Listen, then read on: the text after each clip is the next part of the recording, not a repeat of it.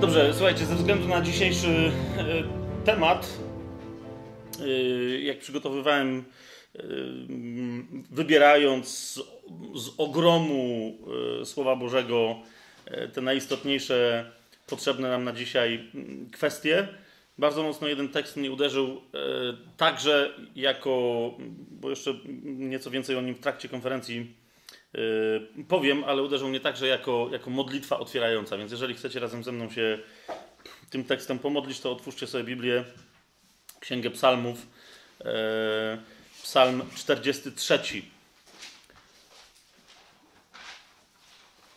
I dosłownie nawet ktoś, jeżeli chcecie, to możecie go czy, czy w duchu, czy nawet na głos razem ze mną y, przeczytać, ponieważ z tym, że możemy mieć różne tłumaczenia, to tam to może różnie wyjść, ale on cały od początku do końca myślę, że w swoich prośbach w odniesieniu do Boga streszcza to, o co nam będzie dzisiaj chodzić podczas tego spotkania. Dobry Ojcze, słowem Psalmu 43. Dzisiaj to nasze spotkanie otwieramy i do Ciebie się zwracamy. Bądź moim sędzią, Boże, i rozstrzygnij spór mój z narodem bezbożnym. Wybaw mnie od ludzi fałszywych i niegodziwych, ponieważ Ty jesteś moim Bogiem, moją ostoją. Dlaczego mnie odrzuciłeś? Dlaczego miałbym chodzić smutny, kiedy nieprzyjaciel mnie dręczy? Ześlij światło i prawdę swoją, niech mnie prowadzą. Niech mnie wprowadzą na górę Twoją świętą i do Twoich przybytków. Wtedy przystąpię do ołtarza Bożego, do Boga wesela i radości mojej i będę Cię wysławiał na cytrze. Boże, Boże mój. Czemu rozpaczasz duszo moja i czemu drżysz we mnie? Ufaj Bogu, gdyż jeszcze sławić Go będę. On jest zbawieniem moim i moim Bogiem. Amen. Amen. Najpierw, zanim do y, dzisiejszego tematu bezpośrednio y, się odniesiemy, odniesiemy, chcę dalsze wprowadzenie poczynić, które też trochę nam dzisiejszą konferencję, to wprowadzenie zwiąże z tym, o czym mówiliśmy ostatnio. Pamiętacie, rozważaliśmy kwestię przymierza Dawidowego i tego, jak ono się ma literalnie, dosłownie zrealizować po przyjściu Pana Jezusa. E, ponieważ byliśmy skoncentrowani na przymierzu Dawidowym, a nie na tym, jak królestwo, jak realizacja e, tego przymierza Dawidowego będzie ostatecznie wyglądać. E, no, no właśnie, to tam naprawdę ten temat, chociaż już kolejny raz do niego podchodziliśmy, to ten temat jest nadal przez nas zaledwie, powiedziałbym, liźnięty, ale i tak zdążyło paść sporo pytań, E, I mm, wśród tam jedna czy dwie osoby, które były tam e, wtedy wśród nas i, i też inni z zewnątrz, e, z pytaniem, dlaczego miałoby się interpretować Pismo Święte w tak literalny, dosłowny sposób. Teraz widzicie, pytanie zasadniczo powinno być dziwne, gdyby nie y, no, przynajmniej 1700, y, a może nawet i więcej lat historii wmawiania chrześcijanom, że Biblia jest jedną wielką metaforą, alegorią, symbolem i przypowieścią, w zasadzie nie wiadomo o czym, dopóki nie przyjdzie ktoś, kto ma skąd inąd wiedzę, o czym to jest i ci nie wytłumaczy. Tak?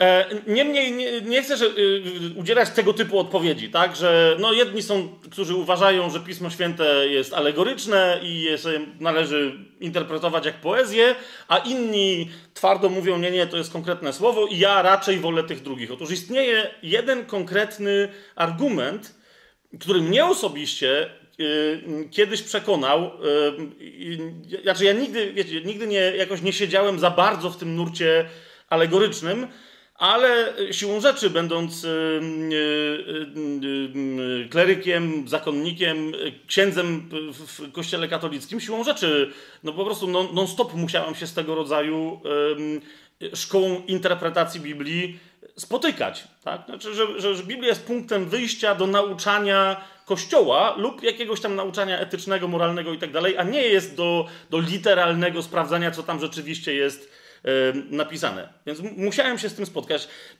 i często, gęsto przyznaję to, także w swoich publicznych nauczaniach, także w takich, które tu i ówdzie są nagrane, bywało, że również w tę stronę szedłem.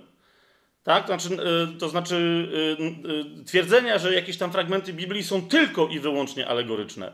I teraz co się stało, w którym momencie, chociaż jeszcze raz powtarzam, w, w, wielu miejscach uważam, że nie ma to sensu, tak? ale w którym momencie dotarło do mnie, że, że Biblia musi być traktowana literalnie, dosłownie, z wyjątkiem tych fragmentów, w których Biblia sama mówi, że coś jest metaforą. Tak? Z wyjątkiem tych fragmentów, w których Biblia w sposób oczywisty pokazuje coś jako metaforę. Dlaczego cała reszta powinna być proroctw, nauczania i tak dalej, powinna być brana na poważnie, na serio i dosłownie?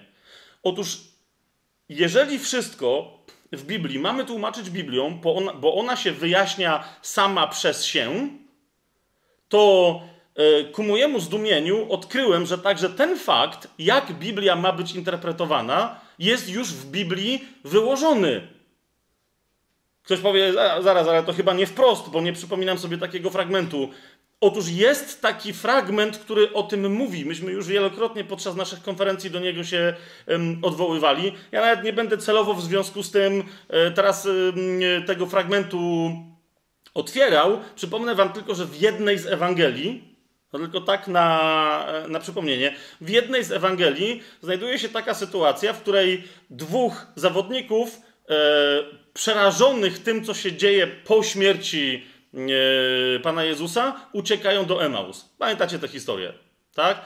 Jak się dobrze przyjrzycie tej historii, jeszcze raz powtarzam, celowo jej tu nie, nie podnoszę, żeby, żeby was e, zainspirować, zaintrygować, żebyście sami tam e, sobie sięgnęli. Jak się dobrze przyjrzycie tej historii, Jezus przyłącza się do nich, oni go w ogóle nie rozpoznają i co jest bardzo interesujące, w zasadzie opowiadają mu całą Ewangelię, taką jak później Kościół będzie ją głosił. Całą Ewangelię jako przerażające nowiny. Literalnie mówią mu, co się stało. Tak? Jezusowi mówią, co on zrobił. Tak? Jaka była ich nadzieja, jaką mieli w nim nadzieję i myśleli, że on jest nadzieją Izraela, e, ale mówią, że to jest przerażające i dlatego uciekają z Jerozolimy. I teraz Jezus na to im odpowiada, że są głupi i nierozumni i że nie zauważyli, że wszystkie te rzeczy musiały przyjść na niego, ponieważ on jako realizacja wszystkich prorockich przepowiedni, czyli Mesjasz, musiał zrealizować te przepowiednie w sposób dosłowny. On mówi, wszystko to musiało przyjść na Mesjasza. Przecież musiał cierpieć. On opowiada, a więc, krótko mówiąc, Wszystkie te. Wy już szukacie, gdzie to jest, tak? Nie pomogę wam. I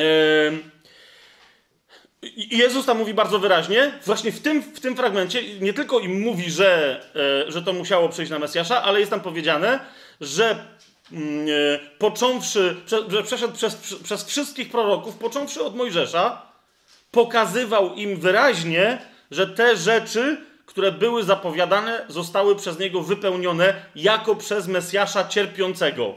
Tak? Bo tam on wyraźnie mówi, że, że Mesjasz musiał to cierpieć.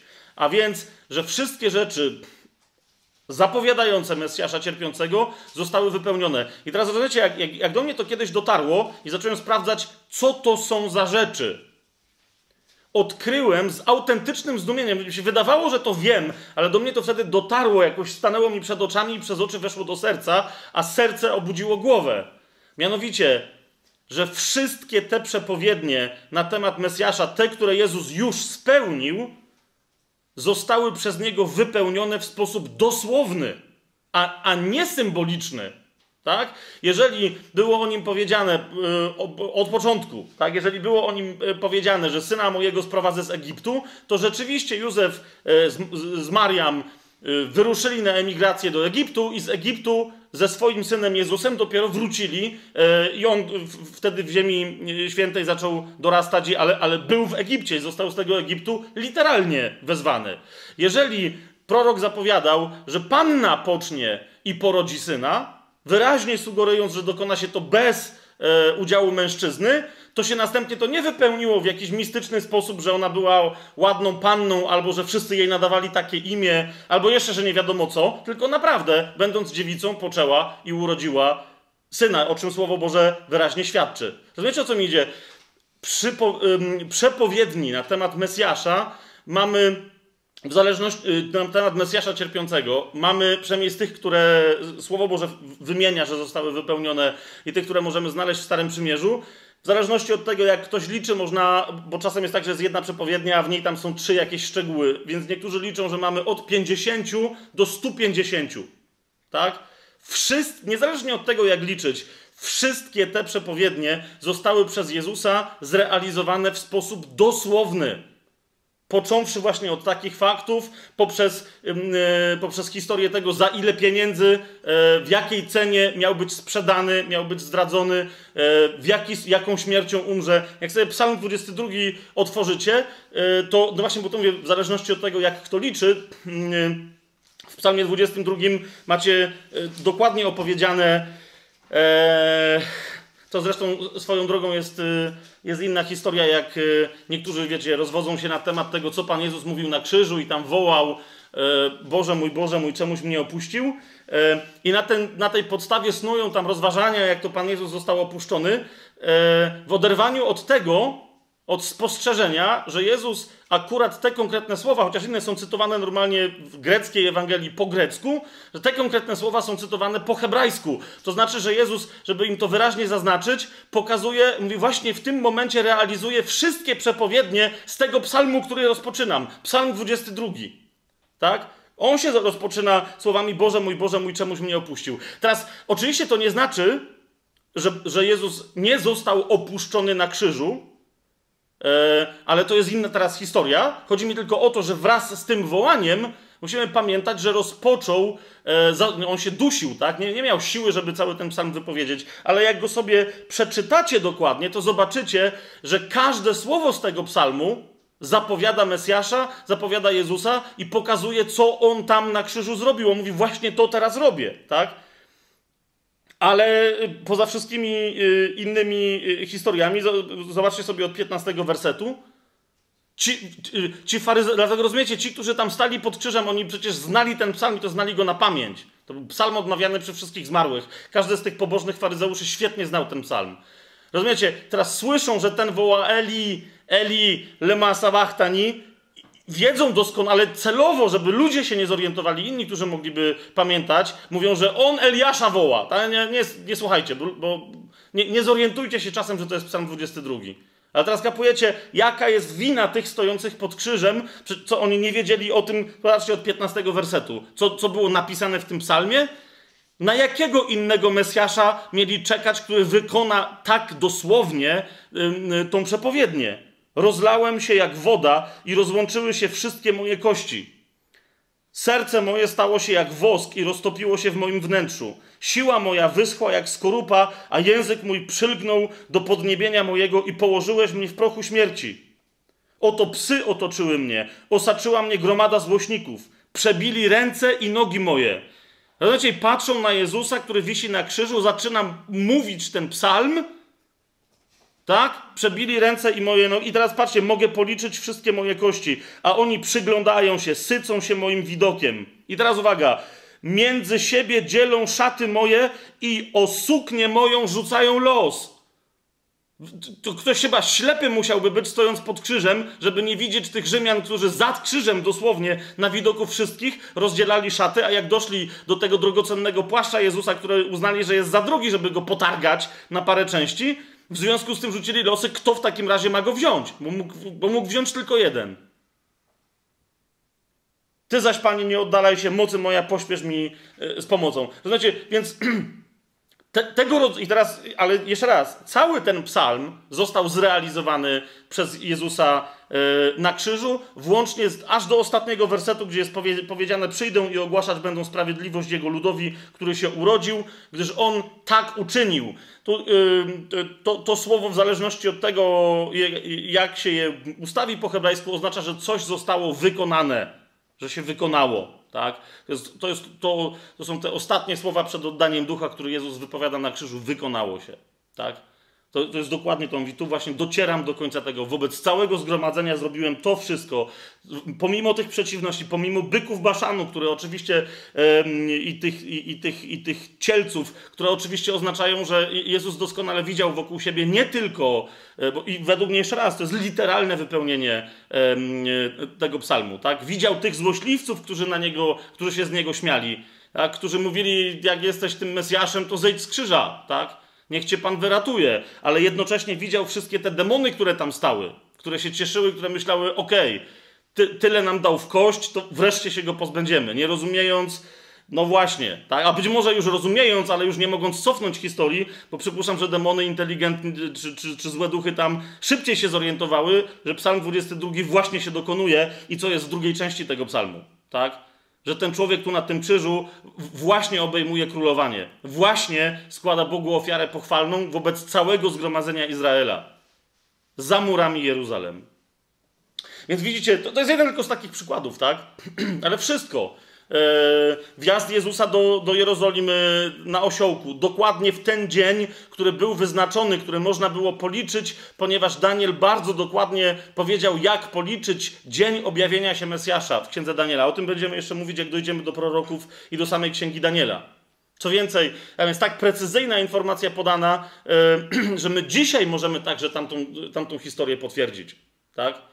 To trzeba być naprawdę mistrzem świata i bardzo kreatywną e, księgowość, że się tak wyrażę, uprawiać, żeby nie móc policzyć, że, że tylko Jezus może być Mesjaszem na bazie proroctw e, Daniela i informacji, które mamy e, przekazane przez Ezdrasza i Nehemiasza.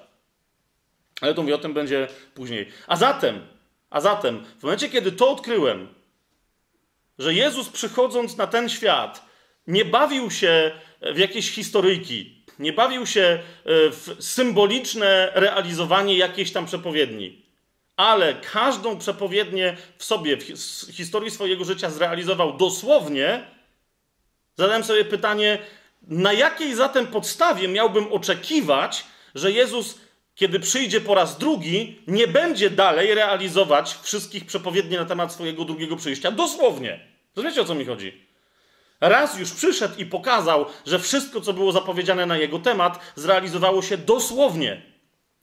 I teraz druga rzecz z tym związana, bo jednocześnie wtedy ja też byłem zafascynowany tym, że Żydzi znają dobrze Pismo Święte i tego typu yy, historiami, i, i nagle od nich zacząłem słyszeć, to, to właśnie, w, w, nie mówię, że wiecie, znam wszystkich Żydów na świecie, ale y, chodzi mi teraz o talmudystów, tak? Ludzi związanych z, z judaizmem talmudycznym, rabinicznym, tak?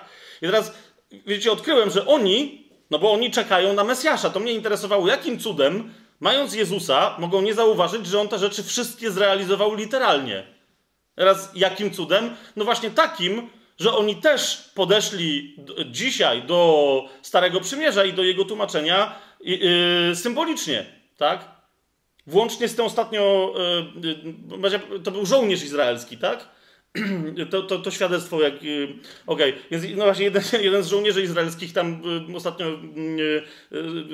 Madzie pokazywałem jego świadectwo, które mówi, że, że on odszedł od judaizmu właśnie wtedy, kiedy zapytał rabina, mówi, czytając o tym, że Mesjasz ma wjechać y, do Jerozolimy na osiołku, mówi, ale jak to dzisiaj będzie wyglądało, że Mesjasz wjedzie na osioł? Nie powinien on jakoś wjechać tak poważnie, a na oś mówi, powiedzcie skąd on tego osła weźmie, a nawet jak go weźmie, pokażą to we wszystkich telewizjach świata i się z nas będą śmiać, no nie, że co to...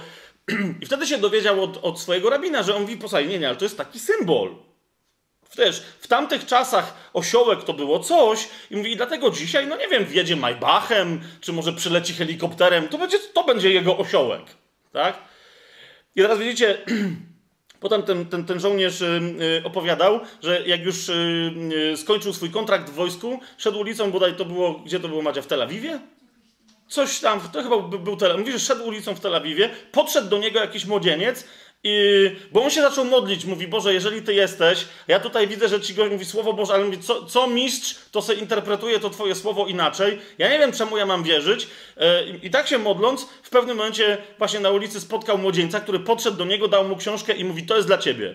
Tak? I teraz on mówi, że to dosłownie tak wyglądało, że dostał tą książkę, spojrzał i przeczytał Pismo Święte Starego i Nowego Testamentu i zorientował się, że aha, że to jest chrześcijańskie Pismo Święte, tak? Więc on jako Żyd yy, yy, zobaczył to szybko, podniósł wzrok i powiedział, nie, to ja nie chcę. I okazało się, że tego gościa, który mu dał te książki, już nie ma. Tylko, wiecie, to była ulica, ja mówi, że trochę się zdziwił, ale uznał, że może gość był szybki, albo może, nie wiem, dłużej się wpatrywałem w tę okładkę, niż mi się wydawało. I teraz pierwsza rzecz, jaka mu się otworzyła, rozumiecie, jaką otworzył, e, to był Nowy Testament, to był opis, jak Jezus wjeżdża do Jerusalem na osiołku.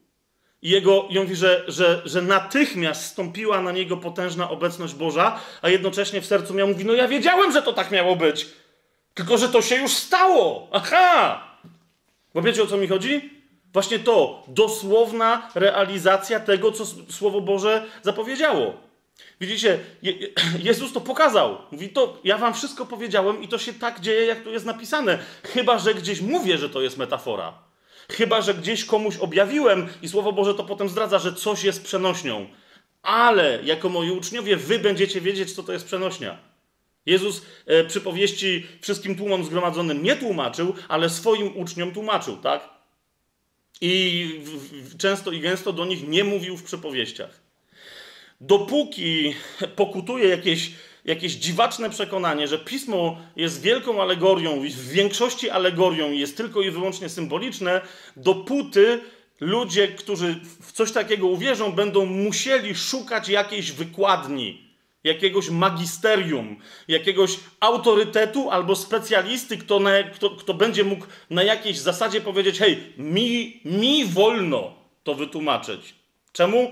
Bo skończyłem teologię, bo mam takie święcenia, bo mi się objawił ktoś tam i tak dalej. A Słowo Boże mówi wyraźnie: niczego nie dodasz i niczego nie, umie, nie umiesz z tej księgi. Duch jest Twoim nauczycielem i on, nawet jeżeli gdzieś masz trudność na początku w słowie, słowo samo wszystko ci objaśni. Słowo Boże jest autorytetem. Je jeżeli istnieje możliwość yy, co do najistotniejszych kwestii i innych ważnych kwestii w piśmie, jeżeli istnieje możliwość dowolnych interpretacji, jeszcze raz powtarzam, to musi się pojawić jakieś dodatkowe objawienie. Autorytet, specjalista, dodatkowe objawienie, które będzie miało prawo rozjaśnić Pismo Święte. Ale jeżeli przyjmiemy Pismo Święte takim, jakie jest, przyjmiemy to, co tam jest rzeczywiście napisane, tak jak jest napisane, z, z oczywistym stamtąd, z tego, co jest napisane przekazem, wówczas będzie to dla nas jasne, że pismo może być autorytetem. Pismo jest wystarczająco jasne, żeby nam opowiedzieć o tym, co było, o tym, co jest i także o tym, co będzie. Jest to jasne? Okej. Okay. Dlatego, dlatego właśnie myślę, że także i temu po części e, w dużej mierze e, temu właśnie, temu odkryciu przypisuje swoje tam kolejne już z rzędu nawrócenie, jeszcze mocniejsze przylgnięcie do, do Słowa Bożego i dlatego też tak, takiego podejścia do Słowa z takim szacunkiem, jako do jedynego najwyższego autorytetu tutaj się uczymy. Tak? Dobrze, teraz dzisiejszy temat, y, bo tu znowu będziemy musieli właśnie tego typu, jedną z tego typu kwestii rozważyć. Dzisiejszy temat, y, po tym jak dwa spotkania temu wprowadziliśmy się w ogóle w historię e, wzlotu i ostatecznego upadku królestw i monarchii Izraela i Judy, Ostatnio mówiliśmy o przymierzu Dawidowym. Na dziś mieliśmy zaplanowane e, w zasadzie dwie rzeczy, czyli świątynię i wszystko, co z nią jest związane, oraz Eliasza i jego walkę z bałwochwalstwem. E, niemniej, jak się przyjrzałem, e, wiecie, tylko i wyłącznie bardzo okrojonej wersji tego, co, co uważam, że konieczne jest, żebyśmy na tym etapie powiedzieli na temat świątyni, to tego Eliasza jeszcze e, potrzebujemy gdzieś przesunąć. I, i nie, nie dzisiaj. Ok? Teraz dlaczego tak? Co się, tak, co, co się takiego dzieje? Otóż kwestia świątyni, a zatem także kwestia kapłaństwa, a zatem także kwestia ofiary w Piśmie Świętym, a zatem także kwestia prawa, a zatem także, i, i mogę tak wymieniać, no wiecie, to jest temat, który się ciągnie w zasadzie od początku Biblii aż do końca, tak? Kain zabił Abla, dlatego że nie chciał uznać, że złożył źle ofiarę, Bóg jego ofiary nie przyjął, yy, a przyjął ofiarę Abla i tego mu pozazdrościł. Tak? Mnóstwo wojen pomiędzy ludźmi, zwróćcie na to uwagę, yy, jeżeli de facto nie prawie wszystkie, to są wojny inspirowane religijnie. Nawet jeżeli czyjąś religią jest niewiara w Boga, tak? to, to nadal jego niewiara w Boga jest wiarą w to, że, Bóg, że Boga nie ma, jest wiarą w coś innego. Tak? Większość, jeżeli powtarzam, jeżeli nie wszystkie wojny są jakoś interpretowane, były jak, jakoś inspirowane religijnie. Mnóstwo z oskarżeń przeciwko chrześcijaństwu to są oskarżenia o to, że chrześcijaństwo niczym się nie różni od pozostałych religii świata, jest taką samą religią i też wywołuje wojny. To jest nieprawda.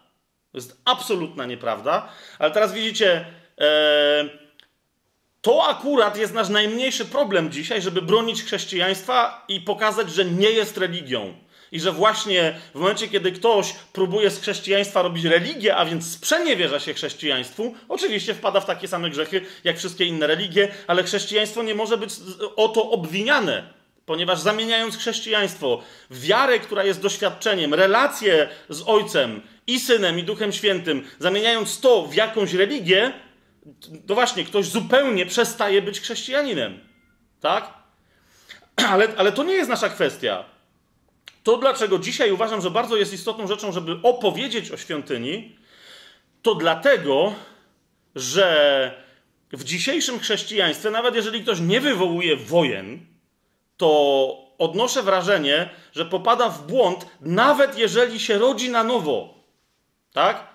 To i doznaje zbawienia, to następnie, będąc już człowiekiem zbawionym, nie zaczyna biec, tak jak mówi Paweł.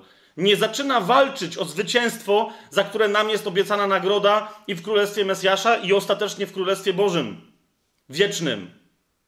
Nie, nie walczy o tą nagrodę. Dlaczego? Ponieważ zaczyna w, y, y, grzęznąć w coraz bardziej fałszywe struktury nauczania i praktyki religii, która twierdzi, że jest chrześcijaństwem. Na różne sposoby.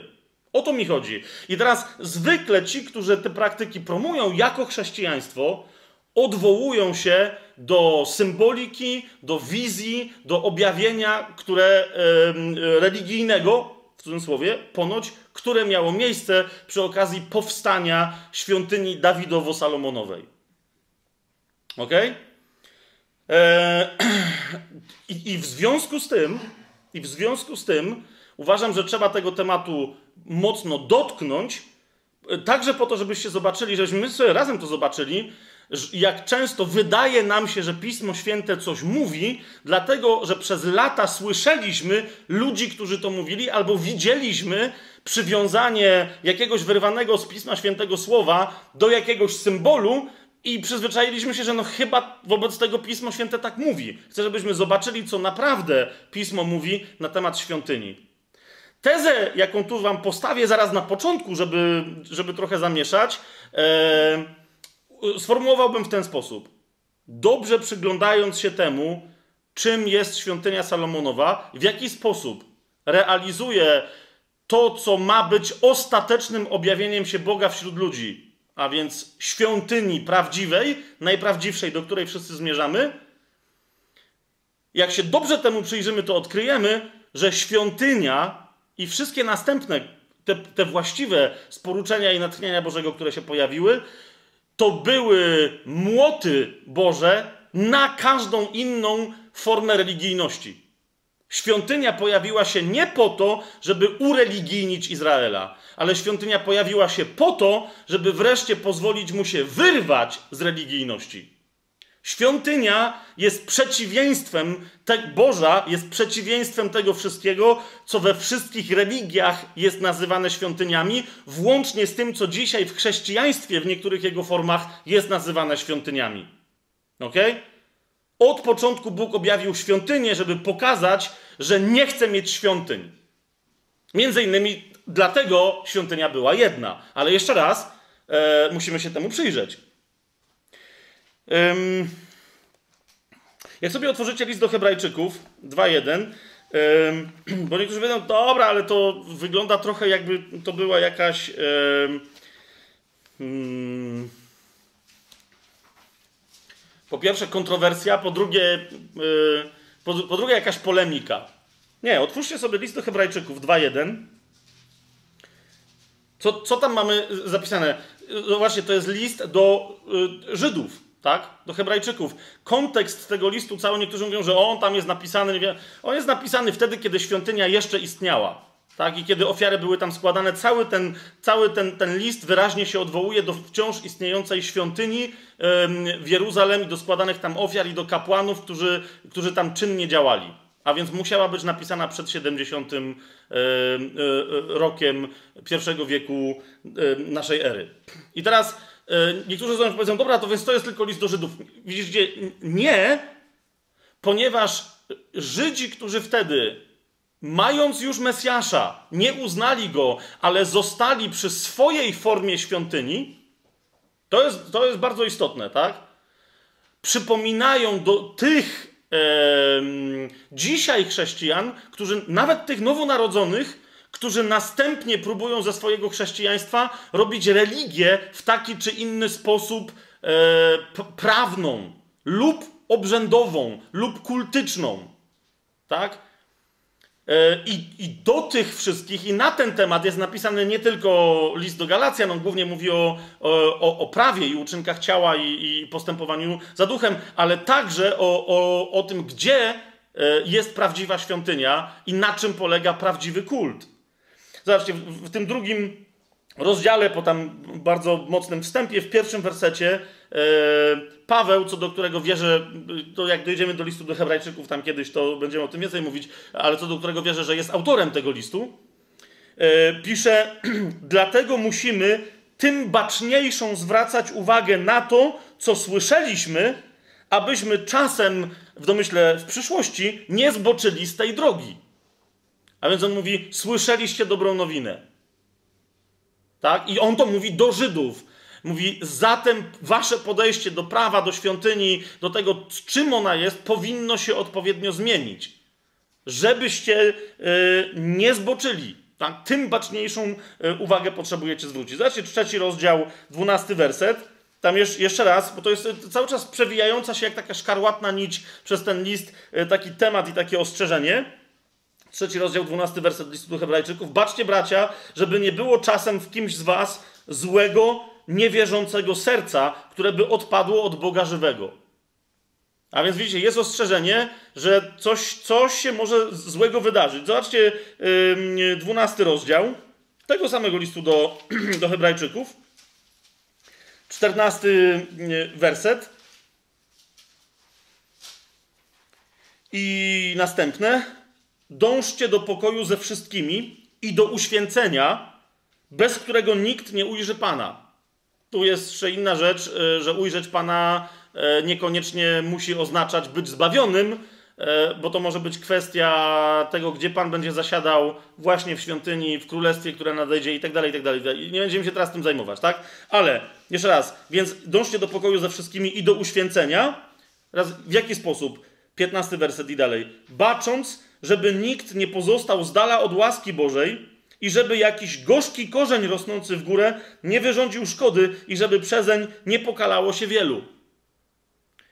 I no, różne są rozważania, co to jest gorzki korzeń, właśnie ta możliwość y, serca złego, niewierzącego i tak dalej. Y, wiecie, te wszystkie rozważania, one są fajne i rzeczywiście mają różne odnośniki, ale pamiętajmy o tym, co znajduje się w centrum y, tego listu Nawiasem mówiąc, to y, jest y, forma literacka, która zakładała też jeszcze, y, kiedy indziej będziemy o tym mówić, że raczej w środku znajduje się najważniejsza teza i wszystko do niej prowadzi i od niej się wyprowadza, tak? A więc nie tak jak dzisiaj, że na końcu mamy naj, wiecie, największe wnioski, tylko najważniejsza teza w tej retoryce znajdowała się w środku. I tutaj mamy ósmy rozdział, pierwszy i drugi werset który mówi właśnie o tym, o czym jest cały list do Hebrajczyków. A więc jeżeli są ostrzeżenia, żeby gdzie nie odpaść, czym się nie, nie, nie pokalać, jaki gorzki korzeń mógłby wyrastać, z czym to może być związane, to tutaj mamy to wyjaśnione. Główną rzeczą w tym, co tutaj mówimy, jest to, że mamy takiego arcykapłana, który usiadł po prawicy tronu majestatu w niebie, jako sługa świątyni i prawdziwego przybytku, który zbudował Pan, a nie człowiek. Jest to jasne? Teraz jeszcze raz zwróćcie uwagę, e, Paweł tu pisze, autor listu do Hebrajczyków, to jest główna rzecz w tym, o czym mówimy w całym tym liście. Tak?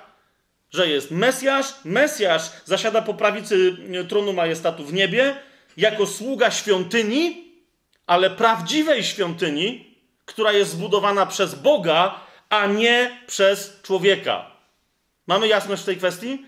Jeżeli ktoś zacznie wiązać w jakikolwiek sposób posługę Bożą, obecność Pana Jezusa, i teraz wiem, że już wkraczam, już tym, co mówię, już wkraczam na bardzo śliski teren. A zaraz to jeszcze bardziej wyjaśnię, ale jeżeli przywiązuję te wszystkie historie z czymkolwiek, co zbudował człowiek swoją ręką, to zaczyna się oddalać od prawdziwego Pana Jezusa.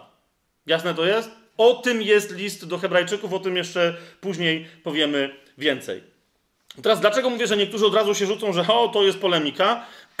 tak, to jest polemika, między innymi, ale jeszcze raz powtarzam, nie, nie polemika dlatego, że ja się potrzebuję teraz, yy, wiecie, pokłócić z katolikami, z prawosławnymi, z luteranami, z kimś tam jeszcze, lecz żyjemy w takiej kulturze, my zwłaszcza tutaj w Polsce, że należy pokazać, jak wręcz bez słowa czasami e, pewne tematy biblijne są fałszowane przez przywiązanie do tradycji ludzkich.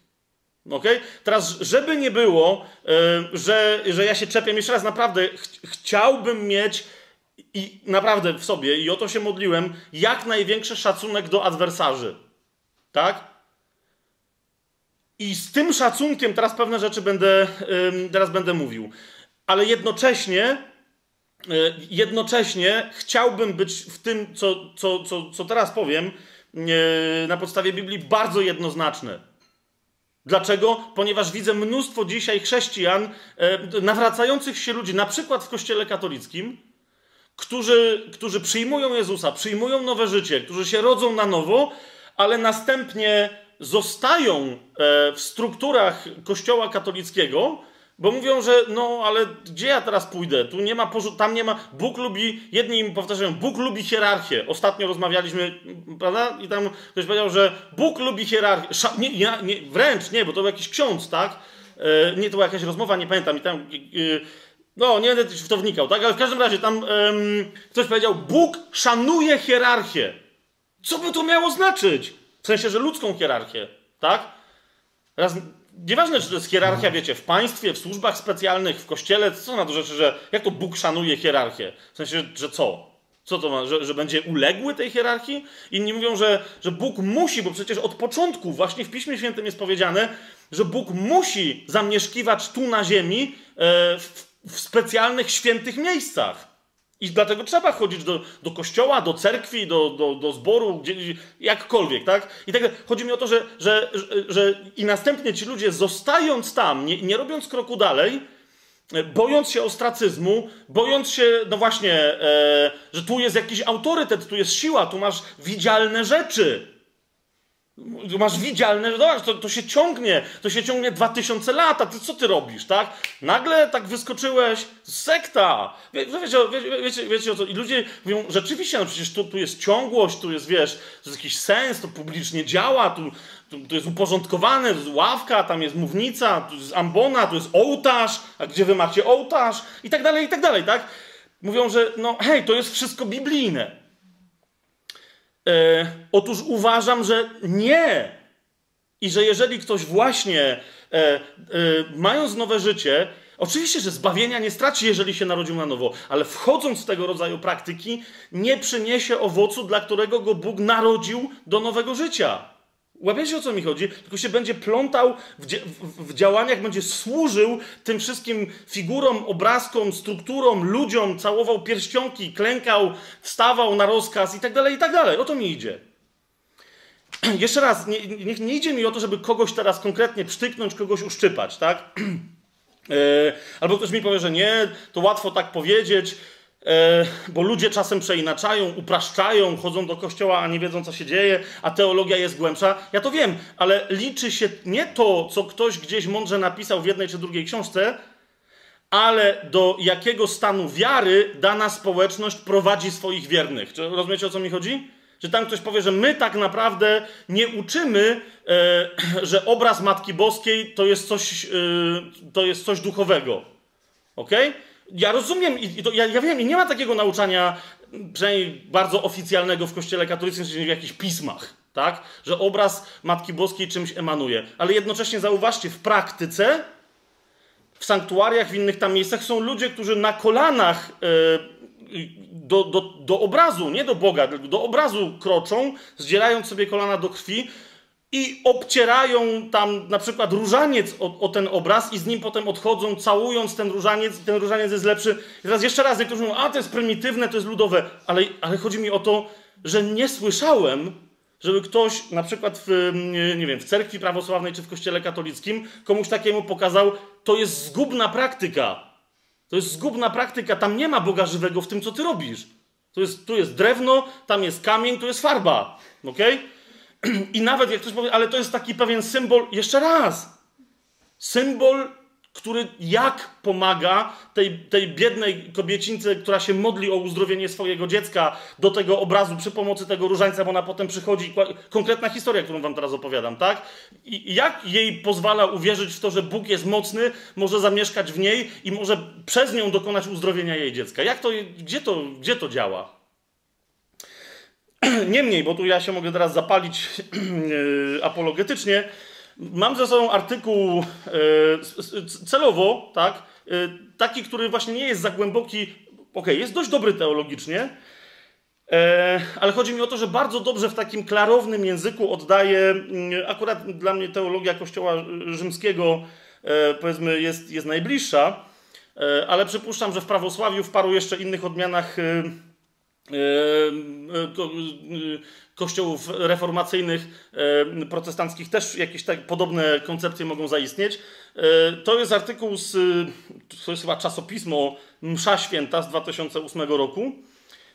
Artykuł księdza Jana Miaska z Warszawy, który się nazywa Teologia Świątyni. To jest, mam cztery strony, ale pozaznaczone, żeby tylko najważniejsze rzeczy z tego wyjąć. Czemu?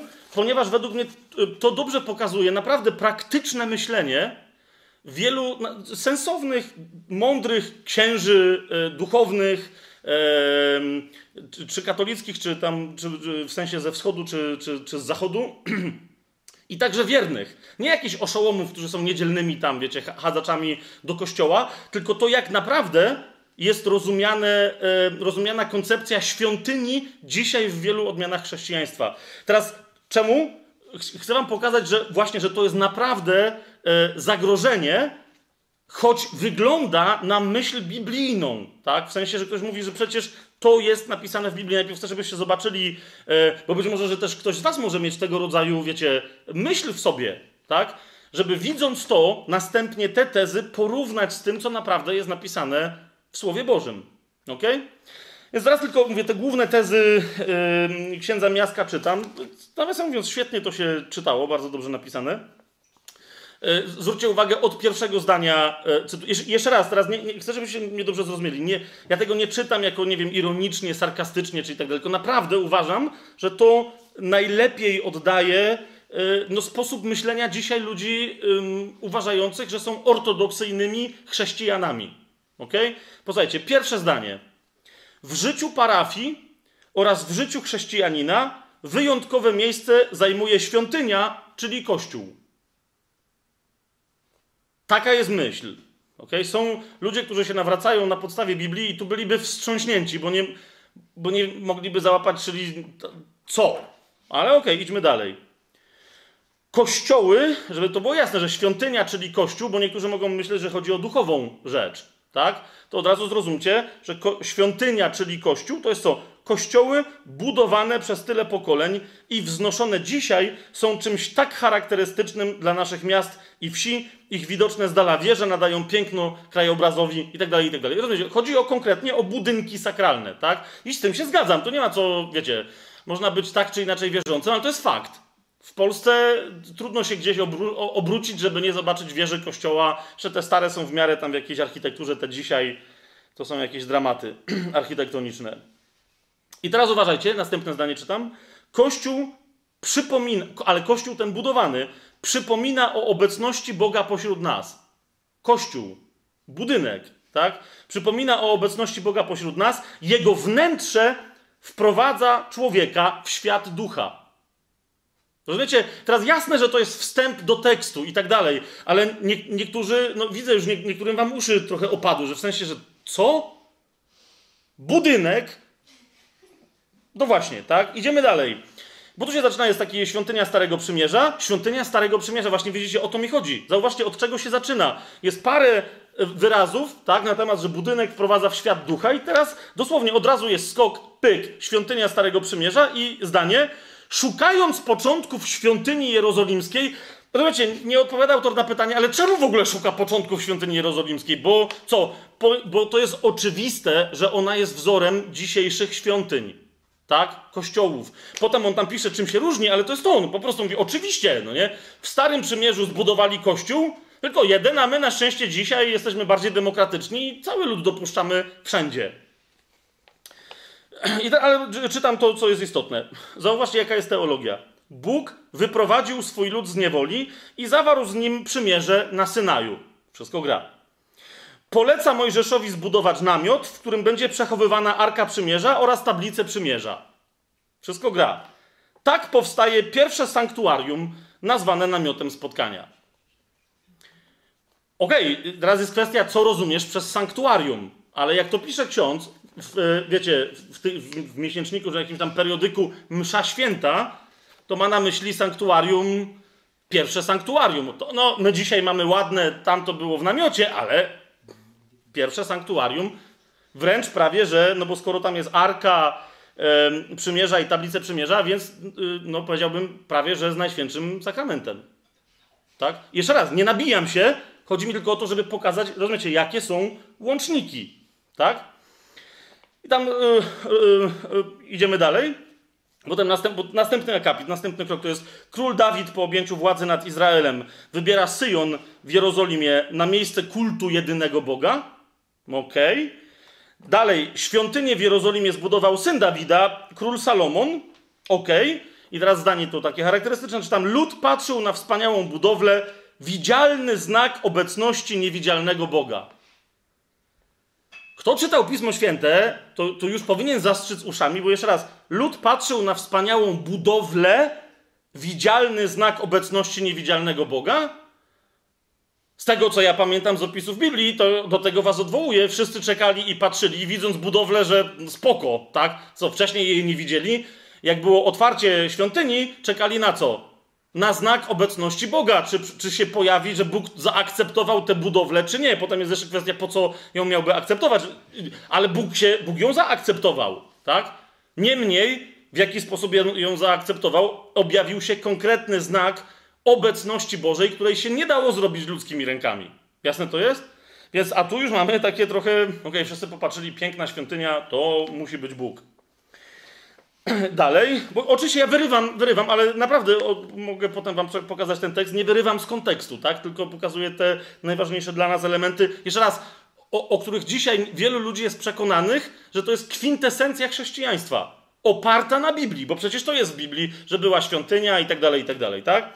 Czytamy dalej. Świątynia była wielkim darem Boga dla ludu, na zawsze została związana z jego dziejami, stała się centrum jego duchowego życia. Yy, Okej. Okay. Potem, yy, ponieważ troszeczkę później o tym in, in, in, będziemy za chwilę mówić w innym nieco kontekście, ale przyznaję, ksiądz yy, Miazek następnie mówi o, o świątyni ciała Chrystusowego, a więc mówi, że w Nowym Testamencie Pan Jezus tam troszeczkę jakoś pokazywał, że świątynia jest gdzie indziej oraz y, jest następny akapit, y, cały rozdział, który się nazywa Kościół duchową świątynią. I znowu odwołuje się do Nowego Testamentu, gdzie mówi, że no wszystko gra, tak? Więc jakby jest to nauczanie, że hej, Nowy, Nowy Testament kontynuuje nauczanie o świątyni, która jednak ma charakter duchowy.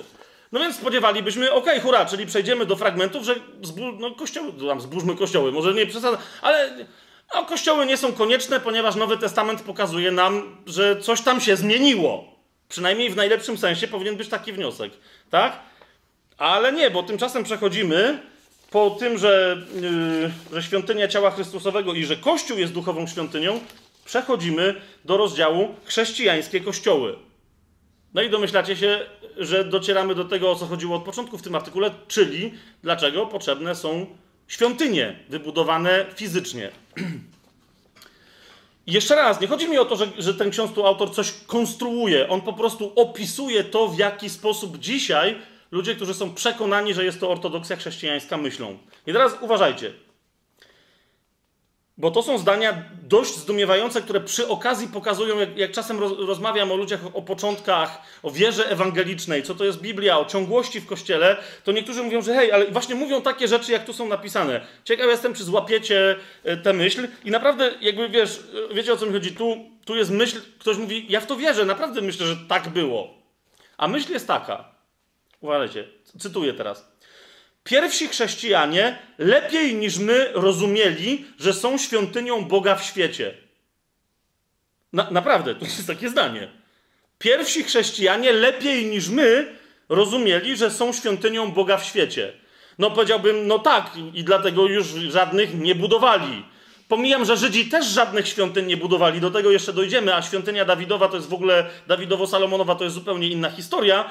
Ale teraz, więc pierwsi chrześcijanie lepiej niż my rozumieli, że są świątynią Boga w świecie, nie mieli jeszcze swoich miejsc kultu, a na sprawowanie Eucharystii zbierali się w domach prywatnych. Widzicie, to właśnie o to mi chodzi, tak? Czyli to jest tak. E, mamy coś, co nazwaliśmy Eucharystią. Ja już tam kiedyś w jakimś QA o tym, Q&A o tym mówiłem. E, I to, to jest kult, który my sprawujemy. Biblia co prawda o tym nie mówi, ale coś gada o tym, że się łamali chlebami, y, chlebem po domach i tam się modlili, czyli najprawdopodobniej nie mieli jeszcze kościołów, no bo to, tego to już w ogóle nie ma śladu, ale najprawdopodobniej odprawiali msze, tylko że po domach. Taka tu jest myśl. Rozumiecie? I nie chodzi mi o to, że tu jest ktoś złośliwy, że indoktrynuje, tylko no, on naprawdę tak myśli, no bo no jak to inaczej mogłoby być? Ale zwróćcie uwagę, że ani pismo o tym nie mówi, kiedy indziej jeszcze może sobie więcej o tym powiem, że historia też o tym nie wspomina tak? że tak było. Widzicie, to jest klasyczny błąd archaizmu, że skoro my wierzymy, że jest jakaś ciągłość, to znaczy, że tam zawsze ludzie robili to, co my teraz, a my przecież jesteśmy ortodoksami. Wraz ze wzrostem liczby wierzących, mnie też tak na teologii uczyli, że potem ludzi było coraz więcej i w związku z tym zaczęto budować kościoły, bo się nie mieścili w tych domach. Rozumiecie, ja dopiero po jakimś czasie zajarzyłem, ale jak to? Ludzie zawsze się mieszczą w jakichś domach, tak? W sensie nie ma ludzi więcej nawróconych niż żyje na ziemi. No zgodzicie się, tak? Więc jakby skoro się, nieważne ilu jest nawróconych, zawsze są jakieś domy, gdzie mogliby dalej się łamać. To, ale tak, no ja pamiętam tą tezę, tak? Wraz ze wzrostem liczby wierzących zaczęto budować domy przeznaczone, uwaga, do sprawowania liturgii. Nagle skąd się wzięła liturgia w drugim zdaniu? Łapiecie o co mi idzie? Jest liturgia. Jak jest liturgia, to już mamy kapłanów ale nie ma żadnego uzasadnienia. Niemniej dobra, idziemy dalej. To jest kolejna bardzo istotna e, informacja. Po otrzymaniu przez Kościół wolności w 313 roku,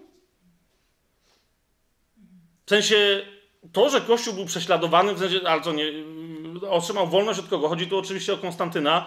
Potem to zostało potwierdzone w 380 którymś przez, e, przez dekret tesaloniczański. To nie było otrzymanie wolności przez, e, przez Kościół to było stwierdzenie przez jednego, potem następnego cesarza, że to, co zaczęli wyprawiać w Aleksandrii i w Rzymie w tamtym czasie, co już dawno nie było biblijnym chrześcijaństwem, że to i tylko to od tej pory nazwiemy chrześcijaństwem i to i tylko to będzie publiczną religią, oficjalną religią Rzymu.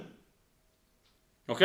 To, to jest zupełnie inna historia. E, natomiast widzicie, tu jest y, informacja, że Kościół otrzymał wolność, i ponieważ otrzymał wolność, to dlatego zaczęto wznosić bazyliki, w których sprawowano teraz uroczystą liturgię.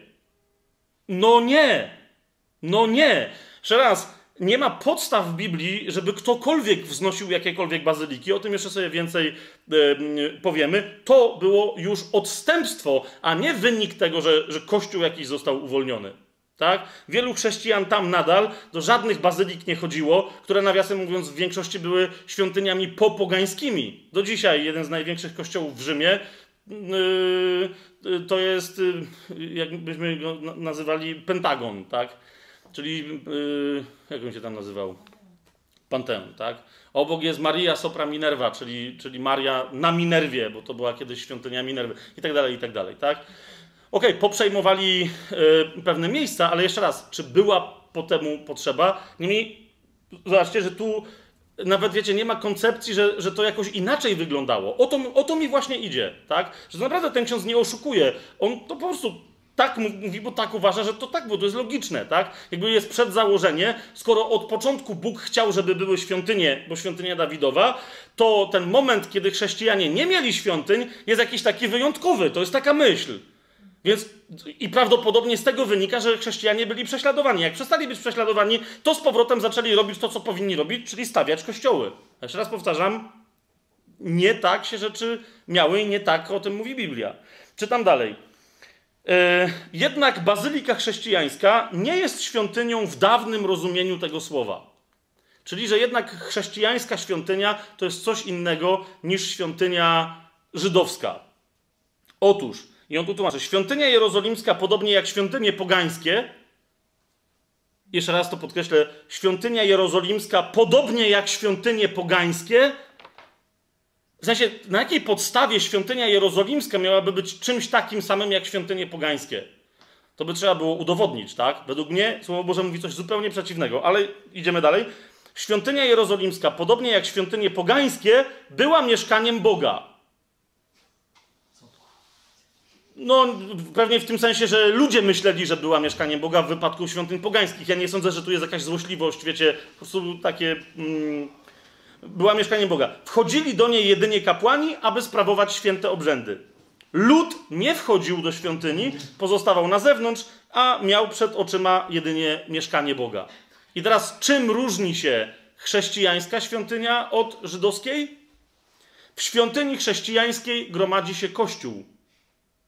Takie, taka tu jest teza. Stąd zaczęto ją nazywać, tąże świątynię, Kościołem.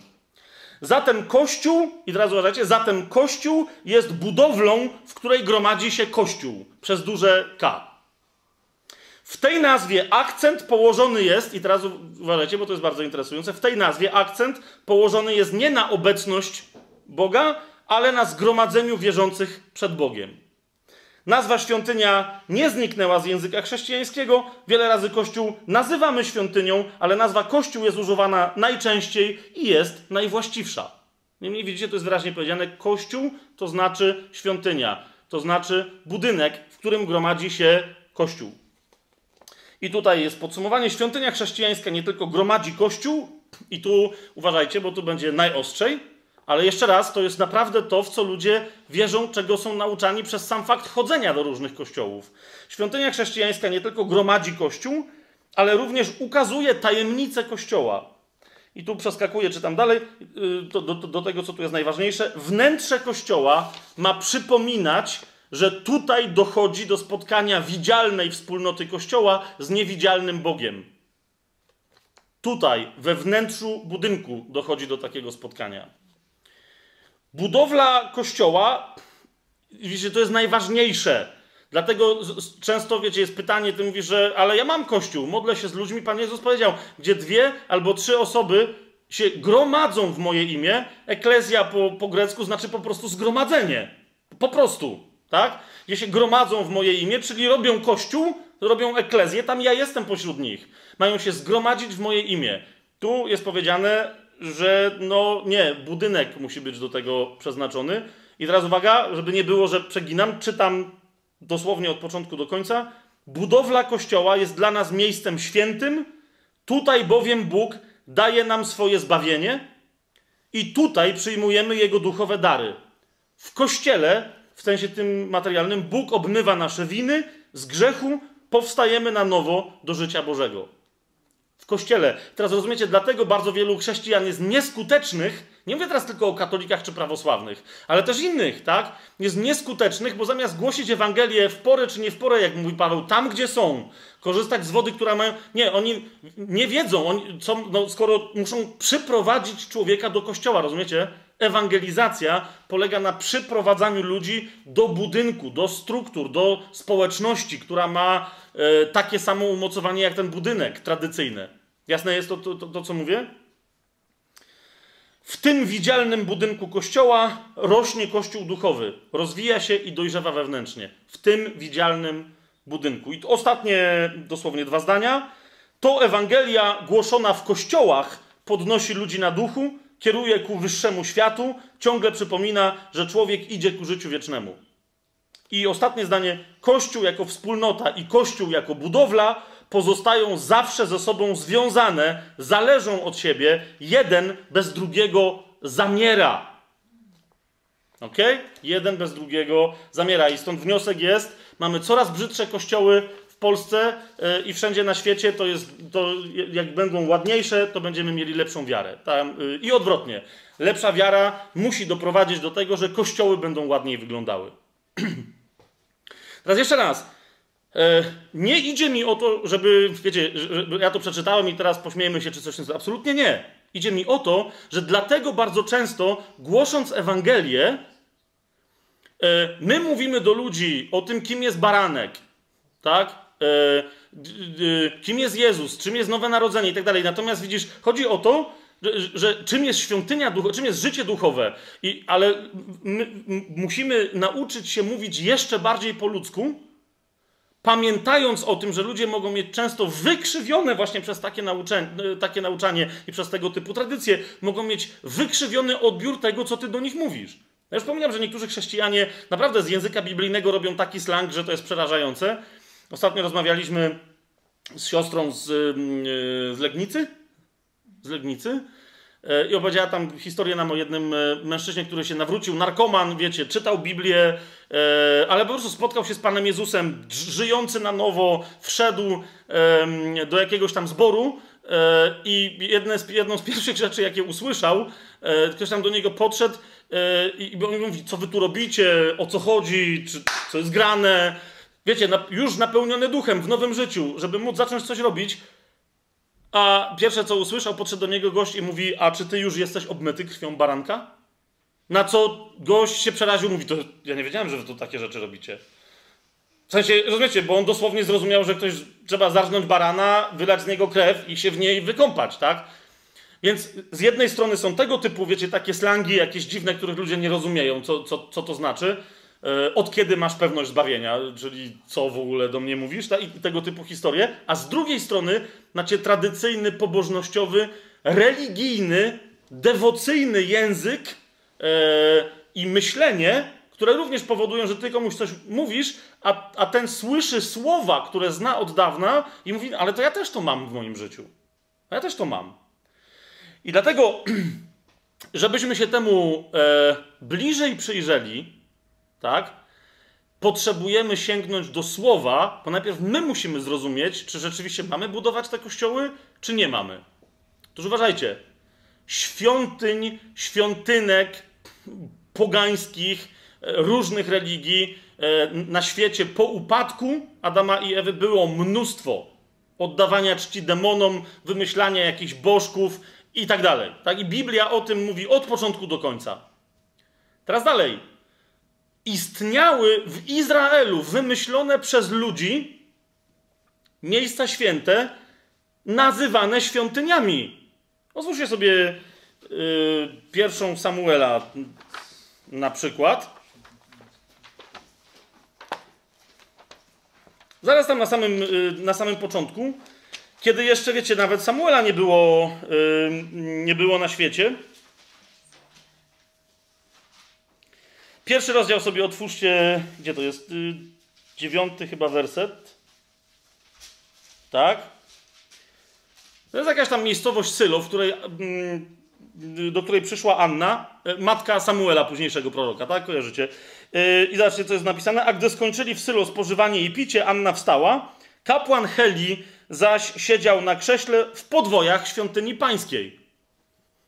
Jeszcze żadnego Dawida na świecie, gdzie tam jeszcze, gdzie, gdzie Saul, gdzie Dawid, Samuela jeszcze nie ma na świecie, tutaj o niego walka się toczy, a tu jest jakaś świątynia pańska. Teraz o co chodzi? Chodzi o to, że takie kościoły, yy, ponieważ było kapłaństwo pochodzące od Mojżesza, tak? Ponieważ była Arka Przymierza, ponieważ był opis namiotu spotkania, to też powstawały takie miejsca święte, gdzie była arka, tam takie miejsce święte było, a czasem nie gdzie była arka, tylko gdzie akurat ludziom było bliżej, żeby mieć jakieś miejsce, do którego przychodzili rzeczywiście, jak do kościoła, że jak dzisiaj do kościoła się przychodzi w takim tradycyjnym sensie, żeby się modlić.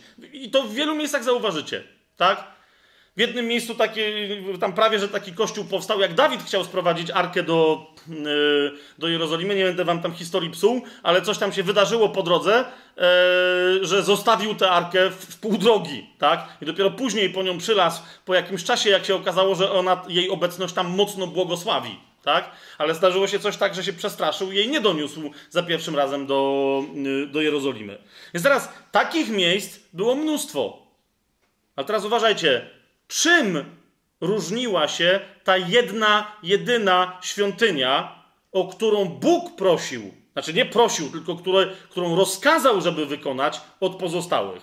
No właśnie tym, że od początku do końca powstała z Jego woli, a więc realizowała Jego zamysł i żeby zrealizować Jego zamysł, wy, otrzymała, ludzie otrzymali od Niego plan, co mają zrobić. Tak? Otwórzmy sobie y, Biblię na, na, na drugiej Mojżeszowej, czyli na Księdze Wyjścia, 25 rozdział. Zobaczcie, co się tam dzieje.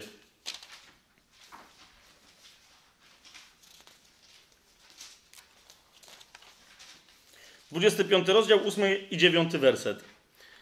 To jest, to jest, to Pan rozmawia z Mojżeszem. To są historie pustynne. To tam, wiecie, to w namiocie arka się przechadza. Tam jest, tam jest zmaganie w ogóle o przymierze mojżeszowe.